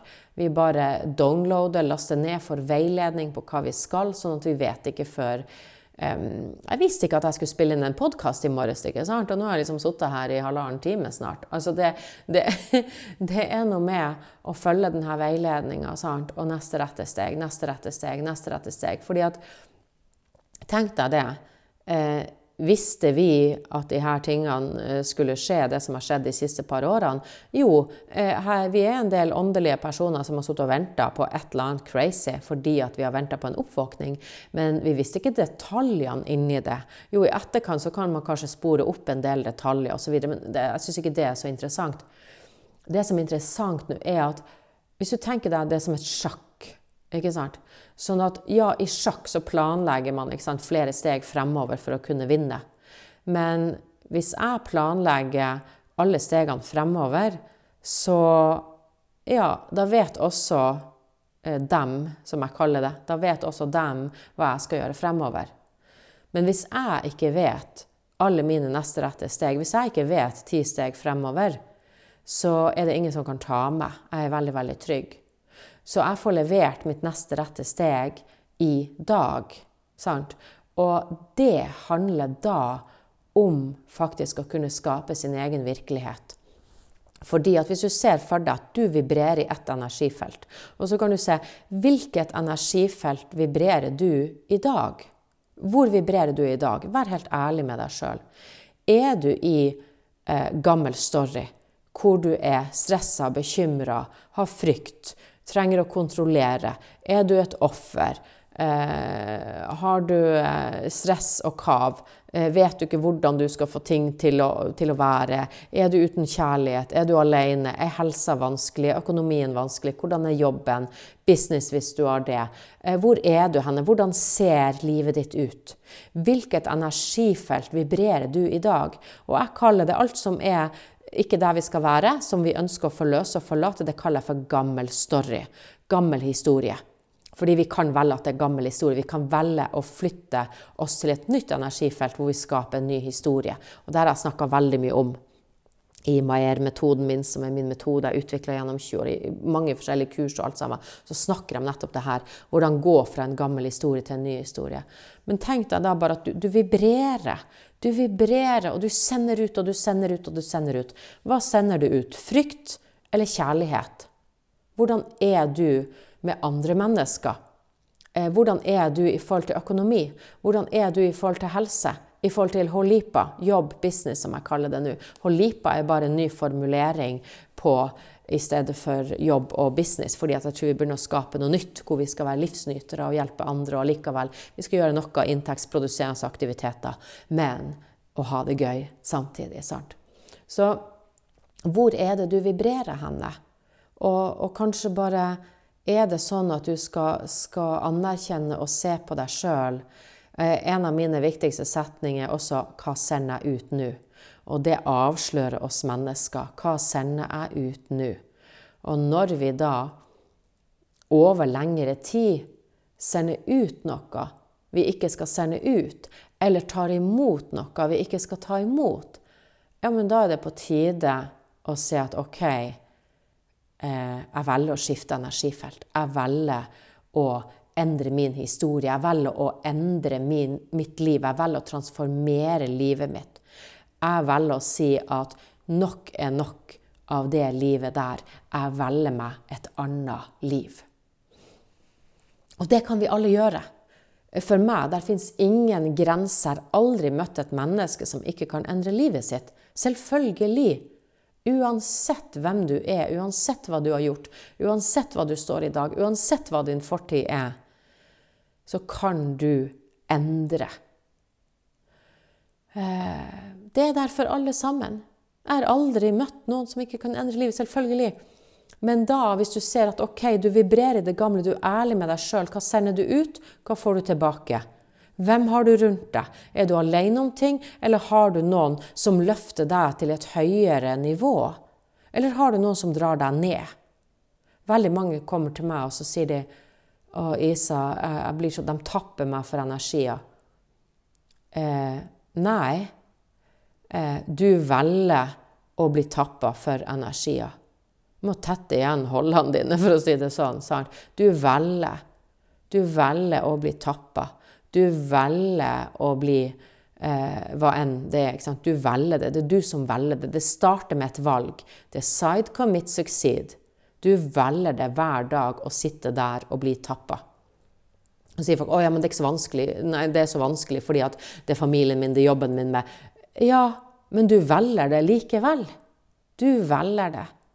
Uh, og jeg mener ikke at man, man, man, skal kutte ut familien sin, det er ikke det. Men når vi er fylt med kjærlighet, når alt som strømmer ut av oss, er kjærlighet, ja, men da får vi kjærlighet tilbake. Eh, og det som ikke er kjærlighet, det, det vil ommøbleres. Ikke sant? Eh, og sånn er det bare. Eh, og det er fantastisk. Det er helt nydelig, og det er vakkert når vi velger å se at det er vakkert. Men det er klart det er vanskelig eh, kan være vanskelig akkurat i prosessene når vi, når vi skal gå fra det ene til det andre. Så se hvor du er henne, og så kan du si hva ønsker du for deg sjøl, kjære, fantastiske menneske? Hva ønsker du? Hvordan ønsker du å leve? Ønsker du å leve slik du lever i dag? Er det akkurat sånn du ønsker å leve? Hvis svaret er ja, fantastisk, herlig, eh, gratulerer. Gratulerer at du er akkurat der du ønsker å være. Jeg håper uansett da at denne podkasten har gitt deg et eller annet, sånn at du bare kan være enda mer eh, den du er, eh, og hjelpe enda flere mennesker. Og leve enda mer i kjærlighet og enda mer i frihet og enda mer i overflod, sånn at du er med eh, og hjelper i denne oppvåkninga som vi står inni. Fantastisk. Så herlig at du er si, en del av gjengen. Nydelig. I love it. Masse, masse kjærlighet til deg. Hvis du kjenner at 'Nei, jeg er ikke helt der, Isa'. Jeg er ikke helt der. Jeg er i min gamle historie. Jeg ønsker noe annet eh, i ett eller flere områder. Så, så, gå inn og se. Hva ønsker du at veien din skal være fremover, kjære deg? Hva er ditt neste rette steg? Hva er det du har behov for? Er det kjærlighet? Er det frihet? Er det overflod? Er det alt? Hva er det av de fire store? Er det kjærlighet? Er det helse? Er det holipa? Jobb, business? Er det økonomi? Eh, eller er det, er det livsstil? Er det andre mennesker? Er det fellesskap? Er det klarhet? Er det kunnskap? Er det energi? Er det strategi? Er det healing? Er det eh, selvutvikling? Er det spiritualitet? Er det en ABC? Hva er det du har bruk for? For det å se hva du har behov for, kjære deg Og det er jo så lenge så skulle jeg gjøre alt på egen hånd. Jeg ba ingen om hjelp. Jeg gikk konkurs for 20 år siden fordi jeg ikke ba noen om hjelp. Eh, jeg holdt på å ramle sammen eh, flere ganger fordi jeg ikke ba noen om hjelp. Fordi jeg skulle gjøre alt sjøl. Isa fikser sjøl. Og i dag så ber jeg om hjelp. I dag så er jeg ikke alene. Jeg er omfavna, jeg er omringa, jeg har masse, masse kjærlighet rundt meg, har mennesker rundt meg, har alt det jeg trenger, blir levert til meg. Og vet du hva? Sånn ønsker jeg for alle sammen. Sånn ønsker jeg i kjærlighet for alle sammen at, at vi skal kunne leve sånn hvor vi ser at nå handler det ikke om å ha spisse albuer. Det handler ikke om meg, meg, meg, meg, meg, og å meske seg sjøl og skaffe mest mulig til seg sjøl. Nei, det handler om å, å, slå seg i lag. fordi det handler ikke om å sitte på hver sin tua lenger. Fordi den tua der, den blir bare tatt. Den blir spist av, spist av, spist av, og til slutt så er det ikke noe tua å sitte på. Og da er vi der alene, og så skal vi, eh, ligger vi der og kaver rundt og se om det er noen som kan redde oss. Det er bare tull. Det er bare tull å, å vente til vi går dit. Um, og nettopp derfor så, så har jeg dedikert meg til et livsprosjekt som handler nettopp om fellesskap. Som handler nettopp om å slå oss i lag. Som handler om å være sammen i kjærlighet som handler om å styrke hverandre, løfte hverandre, være der for andre og, og leve sammen i et fellesskap som er helt spesielt, som er kjærlighet. Nettopp derfor har jeg dedikert meg til å bidra til å skape en kjærlighetsbevegelse i verden. Og det høres kanskje litt merkelig ut nå at vi skaper en kjærlighetsbevegelse i verden, men jeg gleder meg til å, å, å, å kunne si at jeg spilte inn en podkast den 15.12.2022. Da sa jeg det. Så jeg skal spille inn denne samme podkasten her på engelsk. Um, og det er litt artig å si 'I told you so', så jeg sier det bare for å kunne si 'ja, jeg sa det'. Eh, jeg har holdt det hemmelig, men en del vet det. At vi skaper en kjærlighetsbevegelse, og vi skal skape den over hele verden. Eh, og det er flere som gjør forskjellige masse, masse gode ting. Eh, jeg har bare fulgt veiledninga på det jeg har eh, fått beskjed om å gjøre. Og det har jeg fått beskjed siden jeg var 15. Så det er nå da jeg begynte Det tok meg 31 år før jeg virkelig starta den. Starta i, i fjor. Vi hadde sånn markering den 11.11. hadde vi ettårsmarkering. Og den bevegelsen den kaller vi for Purple World. Og jeg har gjort så ufattelig masse, så, så du kan jo kjenne etter. Um, hva er det du har bruk for? Du kan gå på isamarie.com, og så kan du se om du finner noe du har behov for. Om det er noe du trenger av det. For der er, der er bøker, der er kurs, der er blogger, der er podkaster, der er kanaliseringer, der er ABC-er, der er Ja, der er en del av det jeg har skapt. Jeg er en produksjonsmaskin. Jeg har produsert så mye. Um, og hvis jeg skal summere opp alt det her, så er det, det verdier for mange, mange hundre tusen. Uh, og alt det der, så, så, kan du velge det å finne å nei, kanskje jeg skal lære å kanalisere, eller kanskje jeg skal lytte til en bok, eller kanskje jeg skal kjøpe det kurset, eller, eller kanskje Nei, jeg får med meg et par blogger, eller hva enn. Så, så gå på isamarie.com, og, og, så vil du finne mange forskjellige ting der. Eh, men det jeg har lyst til å snakke om nå, det er Purple World. Det er bevegelsen Purple World. For det er Det er det som er i mitt hjerte. Det er det som jeg bare sitter og smiler her for at det er Det er helt magisk, magisk, magisk. Eh, Purple World er et eh, samfunn. Det er et nettverk.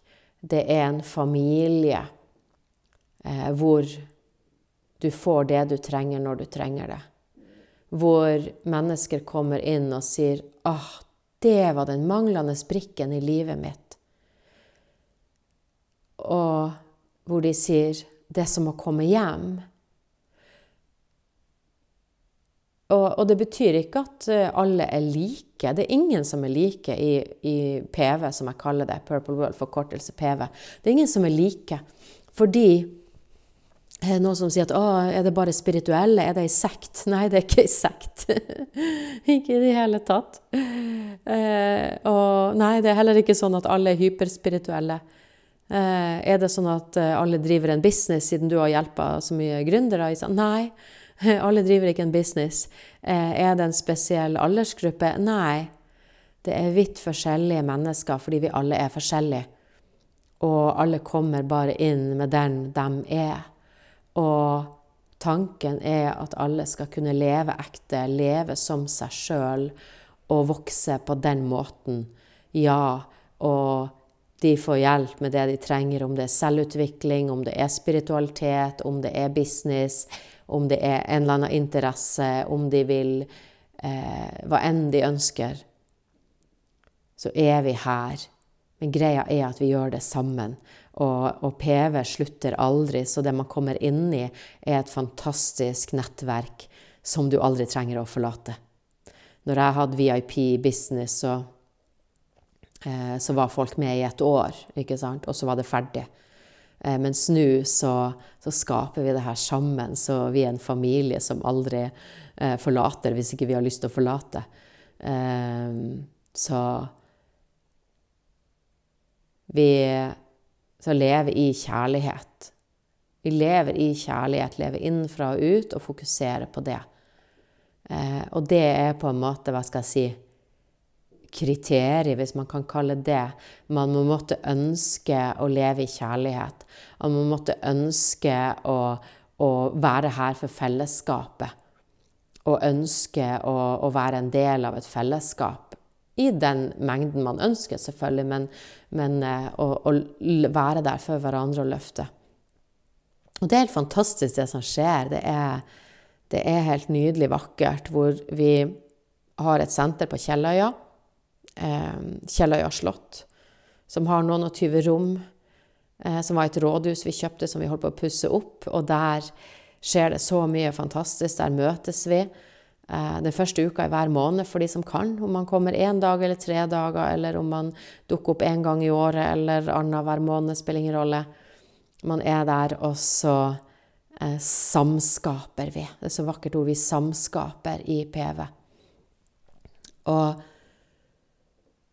i, eh, i, Oslo her så har vi denne leiligheta hvor vi møtes den tredje uka i hver måned, eller også sånn som nå skal vi møtes på lørdag den 17., så alle som er med i PV, er hjertelig velkommen hit i Drammensveien eh, den 17. desember, hvor vi bare skal være sammen.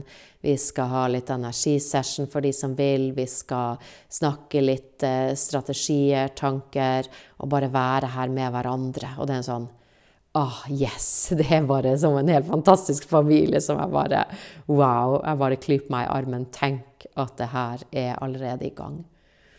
Og det er sånn noen har en bok i magen. ok, Da hjelper vi å få ut den boka. Noen er en kunstner. Her er en fantastisk utstilling fra den fantastiske Kari Kroken i PV. Eh, det skjer fantastiske ting både her og der. Og vi, vi går nå også inn i en ny form for business. Så jeg vil også si til alle de som har en business, og at dere er hjertelig velkommen inn i PV. Fordi det, det jeg tror som skjer nå, er at nå går sosiale medier nedover, tror jeg. Det er ganske mange som blir sagt opp, men vi går inn i en fase nå, og plutselig så var sosiale medier borte. Eller plutselig så var det så stor slåsskamp i sosiale medier. Og det vi gjør, er å bygge nettverk. Vi bygger sammen. Så vi jobber med å skal ha egen nettside, egen app, eh, eget magasin. Eh, men mest av alt så er liksom det nye de fysiske møteplassene. Og det er sånn vi kan styrke hverandre og løfte hverandre. Vi skal gjøre masse nettbasert òg, men det fysiske Ingenting slår det å sitte i samme rom. Men vi møtes på Zoom hver uke. Eh, holder på, Vi har laga en businessgruppe nå hvor jeg er og styrer og hjelper. Eh, vi møtes på tvers av gruppen. Vi er 22 i hver gruppe i PV. Og nå er vi i gang med å starte gruppe tre, som fantastiske Peggy Ellingsen skal være veileder for. Og det er bare sånn Ja, når jeg ser Peggy, så Det er bare kjærlighet. Det er liksom Peggy er kjærlighet, og hun er på et sånn Jeg liker ikke å kalle nivåer, men, men jeg og Peggy kan kommunisere uten ord, og hun ser menneskene på en helt spesiell måte. Så jeg skjønner at eh, når vi nå skal, skal starte gruppe tre, så er det helt riktig. Eh, at Peggy er på banen, fordi at vi går inn i en ny fase inn i verden. Så eh, det er bare de er superheldige, de som får Peggy som veileder. Det er den eneste tidsbegrensninga i PV, det er veilederen. Du har veilederen din i ett år. Men alt annet er, er ubegrensa. Og det som er morsomt nå, at nå er det på vei to domer.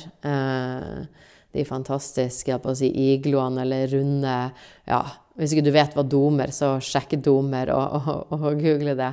Det er bare fantastisk eh, hvordan eh, nå en gjeng i PV, fantastiske eh, mennesker som har tatt action nå, og de har gått sammen om å kjøpe domer som eh, skal leies ut, og da får de passiv inntekt på det. Eh, og vi, vi har fantastisk landområde, så vi gjør det som mange sier si, nå i USA og videre utover sier å, det her, er, det her er det smarteste du kan gjøre nå, sats på eiendom, sier de. ikke sant? Men så sitter folk og bare hæ? Jeg har ikke råd til å kjøpe noe eiendom nå. Nei, og det er der vi går videre, fordi at vi gjør det her sammen. Når vi sitter på landområdet, så deler vi det landområdet eh, som vi har kjøpt, og vi deler det med dem i PV. Sånn at de i PV kan sette opp domer, eller hva enn det måtte være. Om det blir en økolandsby, eller hva som skjer der. Det er kjempespennende. Det er portalen til Lofoten. Utrolig mye folk som kjører forbi der hvert år. Og, og det blir så spennende å se hvordan det her formes, og det gjør vi sammen. Og det er jo fordi at jeg vet alle, jeg har fått min kvote av eh, Rich Dad, Poor Dad og, og alle de her tingene. Jeg følger mye med hva som skjer ute i verden og USA, og de som er top notch, og hva de veileder. Og hva er det de veileder til? Jo, eiendom, eiendom, eiendom. Ikke sant? Og så sier de ok, ja, hvis ikke du har penger sjøl, så bruk andre sine penger til å skaffe deg eiendom. Ja, greit det. Eh, eller bruk andre eh, crowdfunding og funding og lån og, og, alt det her. Vi driver ikke med lån i det hele tatt. Men det vi gjør, er å skape sammen.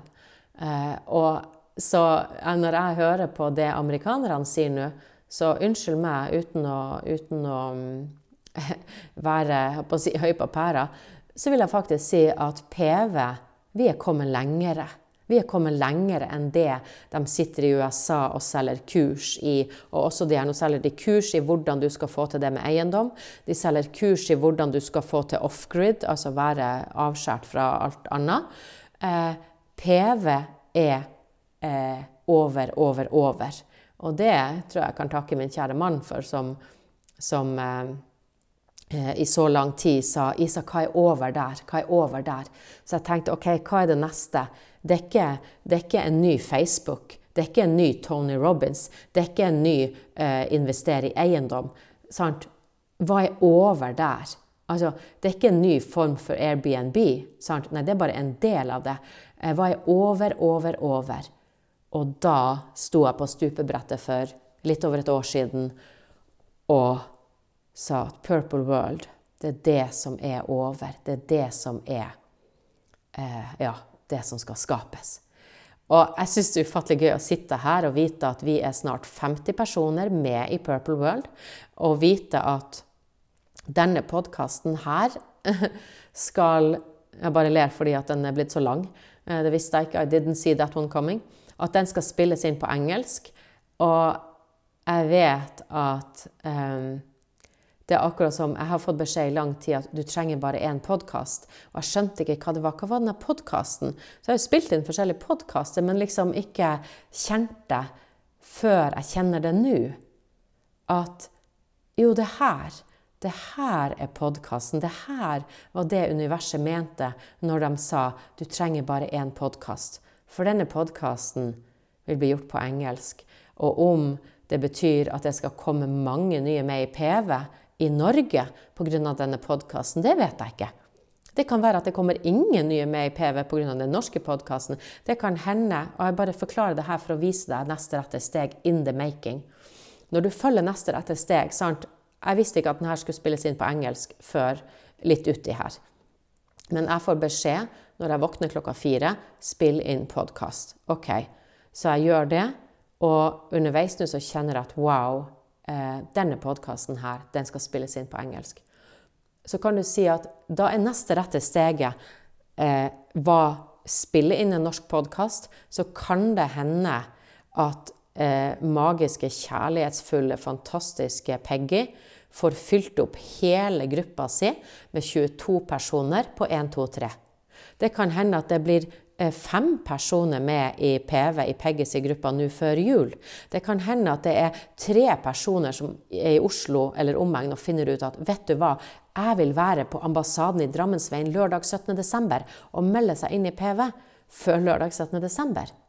Det kan være at denne podkasten ikke gir noen nye norske PV akkurat nå, men kanskje i februar så bare er det en person som deler denne podkasten her, som når ut til flere hundre tusen, og så plutselig hele gruppa full. Skjønner du hva jeg mener? Jeg håper det. Så det her er neste rette steg. Du driver ikke og kalkulerer at 'å, jeg skal eh, pitche så bra nå, jeg skal, skal, gjøre en så god pitch på PV at jeg fyller gruppa til Peggy. Nei, det var den gamle måten å gjøre business på. Sant? Og det skinner igjennom når mennesker er needy, når mennesker er trengende, sant? når de må ha. Sant? Mens når jeg sitter her, så er jeg så full av kjærlighet for hver eneste sjel som lytter til denne podkasten, at for meg spiller det ingen rolle om du tar denne podkasten med deg og kjenner at Yes, jeg fikk noe jeg hadde bruk for. Fantastisk. Eller om du Yes, jeg fikk noe jeg hadde bruk for. La meg dele den med en venn. Eller Yes, jeg fikk noe jeg hadde bruk for. Jeg deler den med alle jeg kjenner. Eller Yes, jeg fikk noe jeg hadde bruk for. Jeg må ha mer av Isa. OK, jeg kjøper de kanaliserte budskapene til 270 kroner i måneden uten binding. Eller jeg kjøper den boka. Eller jeg kjøper den energipakken. Eller nei, jeg hører på en annen podkast. Eller eh, jeg leser den bloggen. Eller jeg går på YouTube og ser hva hun har der. Eller jeg ser på livesendinga fra forrige søndag.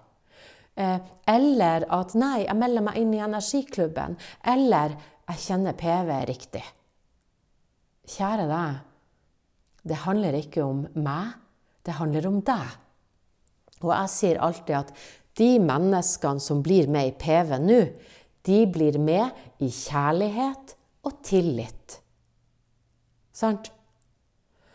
Så når noen sier at 'hæ', får jeg tomt i Møysalen hvis jeg blir med i PV? Er dere gæren? Er det her for godt til å være sant? Eh, nei, det er ikke for godt til å være sant. Det er kjærlighet. Fordi vi vet at eiendom er noe av det smarteste vi kan gjøre fremover. Men ikke bare vanlig eiendom. Eiendom på en spesiell måte. For ja, det koster penger å bli med i PV. Det er en engangsinvestering. Så jeg pleier å si nå at du kan velge å kjøpe deg et kjøkken. Jeg vet ikke om du får et nytt kjøkken en gang. Eh, eller du kan kjøpe deg en bil. Eh, og du får ikke verdens beste bil heller eh, for prisen det koster å bli med i PV. Men PV eh, Jeg kunne glatt ha putta på en null på verdien av det du betaler. Det koster 129 000 å bli med i PV akkurat nå. Og der, i en gammel businessverden, så får jeg høre 'hæ'? Forteller du prisen offentlig på en livesending? Ja. Altså Hvis noen skal kjøpe et kjøkken eller en bil, det er jo ikke hemmelig. Eh, på samme måte så De som blir med, de blir med i kjærlighet og tillit, og så ser de at ja, hvis vi ser på oppsummeringa, så, så, står det verdisatt til 612 000, tror jeg. Men hvis jeg skal si verdien, så er den uvurderlig. Jeg kan ikke sette pris på PV fordi vi jobber med mennesker, og det fins ikke nok penger i verden til å sette verdien på et menneske. Men vi trenger å være litt praktisk og konkret, så ja, vi har satt opp noen summer på hva verdien er å være 30 dager på et senter og ha en veileder i ett år og være med på Zoom og være en del av det og det og det og det. Men, men helt ærlig eh, Jeg kan egentlig ikke sette en, en, sum på det. Men vi har gjort det enklere sånn at hvis eh, man ikke har muligheten til å betale hele summen med en gang Det er selvfølgelig den billigste måten å gjøre det på. Og det er en engangsinvestering. Da betaler man ikke noe mer.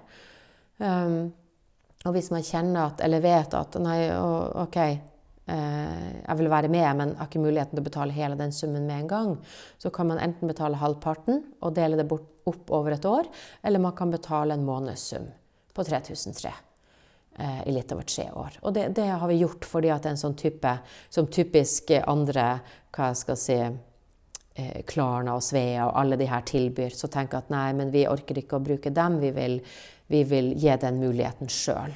Så, så, vi tar den støyten, for å si det sånn. Og det koster litt mer, ja. Men det er en mulighet for de som ønsker det. Uh, og det er sånn, De som var med i min VIP-business, uh, de siste som ble med der, de betalte 129 000 for et år. Så eh, det er, det er en investering, ja. Uh, men den er verdt det for de som kjenner at det her vil passe for dem. Sant? Uh, for det handler så mye, mye mer enn om den veilederen eller de dagene på et senter, eller det her handler om sin egen utvikling, og det handler om fellesskap og det vi skal gjøre sammen. Og vi skal, hallo, vi skal, vi skal ha senter i Frankrike, i Italia, vi skal eh, til India og hjelpe. Vi skal, og det er så mye vi skal gjøre. Så vi skal òg inn med hjelpeprosjekter. Og nå Eh, Nå holder jeg på eh, med Patmos, eh, hvor vi går inn i en, en, løsning som vi kaller for PV så hvor jeg også skal samle 22 mennesker. Det kan være mennesker som allerede er med i PV, eller som ønsker å bli med i PV, hvor jeg skal samle en, en eh, Jeg kaller det Prosjekt Patmos. Eh, hvor jeg skal eh, samle 22 mennesker som har lyst å, å bygge i Patmos sammen med meg. Og det er, en, det er en høyere investering enn 129 000. Eh, men den eh, kan du få vite mer om eh, om du blir med i PV. For den er under utvikling nå, hvor vi sammen skal inn og, og eh, investere i et hotell eh, hvor man får tilgang til det, og veldig veldig mye spennende. Men jeg skal ikke snakke så mye mer om det, selv om jeg egentlig har veldig lyst til å snakke om det, for det er så spennende. Eh, men mer om det seinere. Men jeg ville bare si det, fordi det viser også at vi litt vårt første internasjonale senter blir mest sannsynlig på Patmos. Så vi skal nå ekspandere til Hellas, og det er jo bare kjempe, kjempespennende. Eh, og det, det handler om at vi bygger. Akkurat som Jeg runda ikke helt av denne historien med de neste rette stegene. Sant? At, for jeg ble så gira og begynte å prate om PV. Eh, men, og der ligger, der ligger webinar om PV, der ligger alt på, på sida der. Du finner, finner alt sammen. Eh, og hvis du vil ha en samtale med meg for å få klarhet om PV passer for deg, så er det bare å, å, å si fra om det. Du finner lenken eh, der. Og du finner alt på isamari.com, men jeg skal også dele lenken eh, til, til, PV her. Men hvis du tenker neste rette steg, som jeg sier, in the making på denne podkasten, så kan du si at ja, denne podkasten vil spille seg ut i Norge på den måten den skal spille seg ut. Men for meg så er det også et nytt neste rette steg. Og det vil si at når jeg har spilt inn denne på norsk, så vil mitt neste rette steg jo selvfølgelig publisere den, men også spille den inn på engelsk. Og da kan du si at det her kan være mitt internasjonale gjennombrudd. Sant? Fordi at det er ganske mange mennesker ute i verden som er våken. Sant? Eh, det er ganske mange mennesker som vil eh, koble seg på det som jeg snakker om. Sant?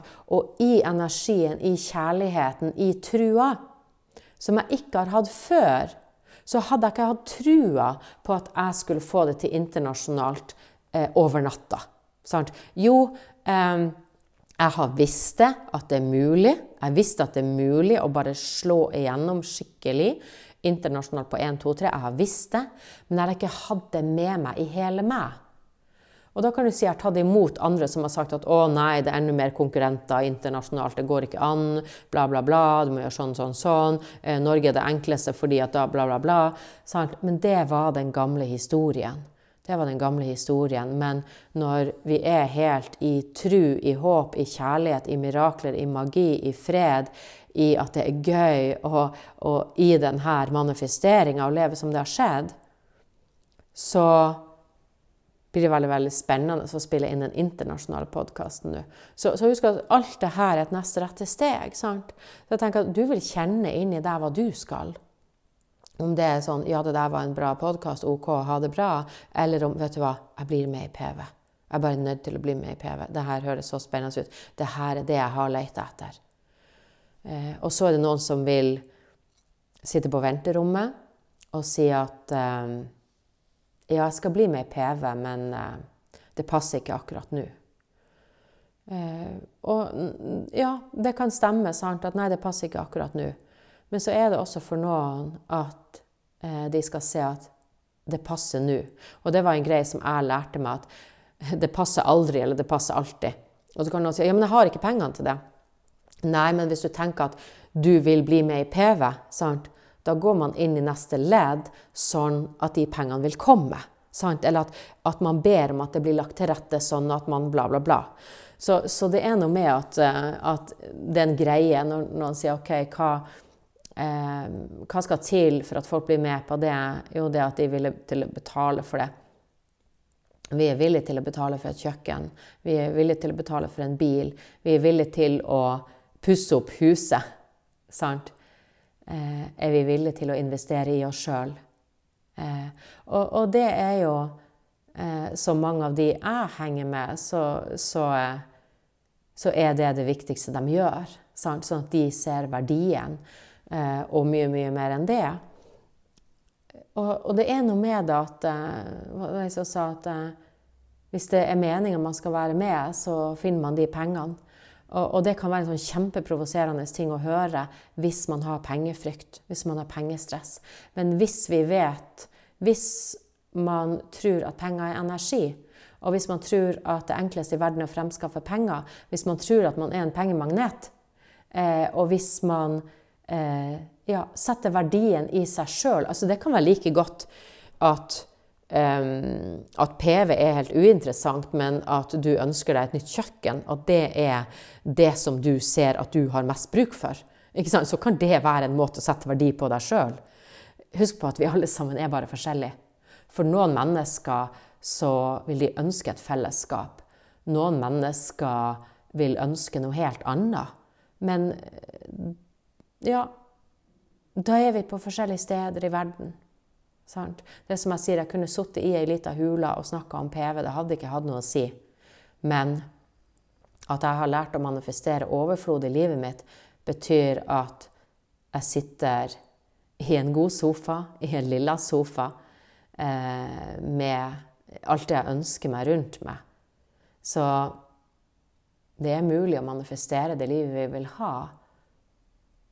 Og når vi ser at vi har tilgang til alt, så vil vi også kunne tiltrekke oss det i livet vårt. Og med det, nå er klokka 07.07 her, så vil jeg ønske deg en vakker dag, og følg ditt neste rette steg i kjærlighet. Gjør det som trengs for at du skal fylle opp din kjærlighetskonto. Tusen takk for at du lytta på I kjærlighet, Isa.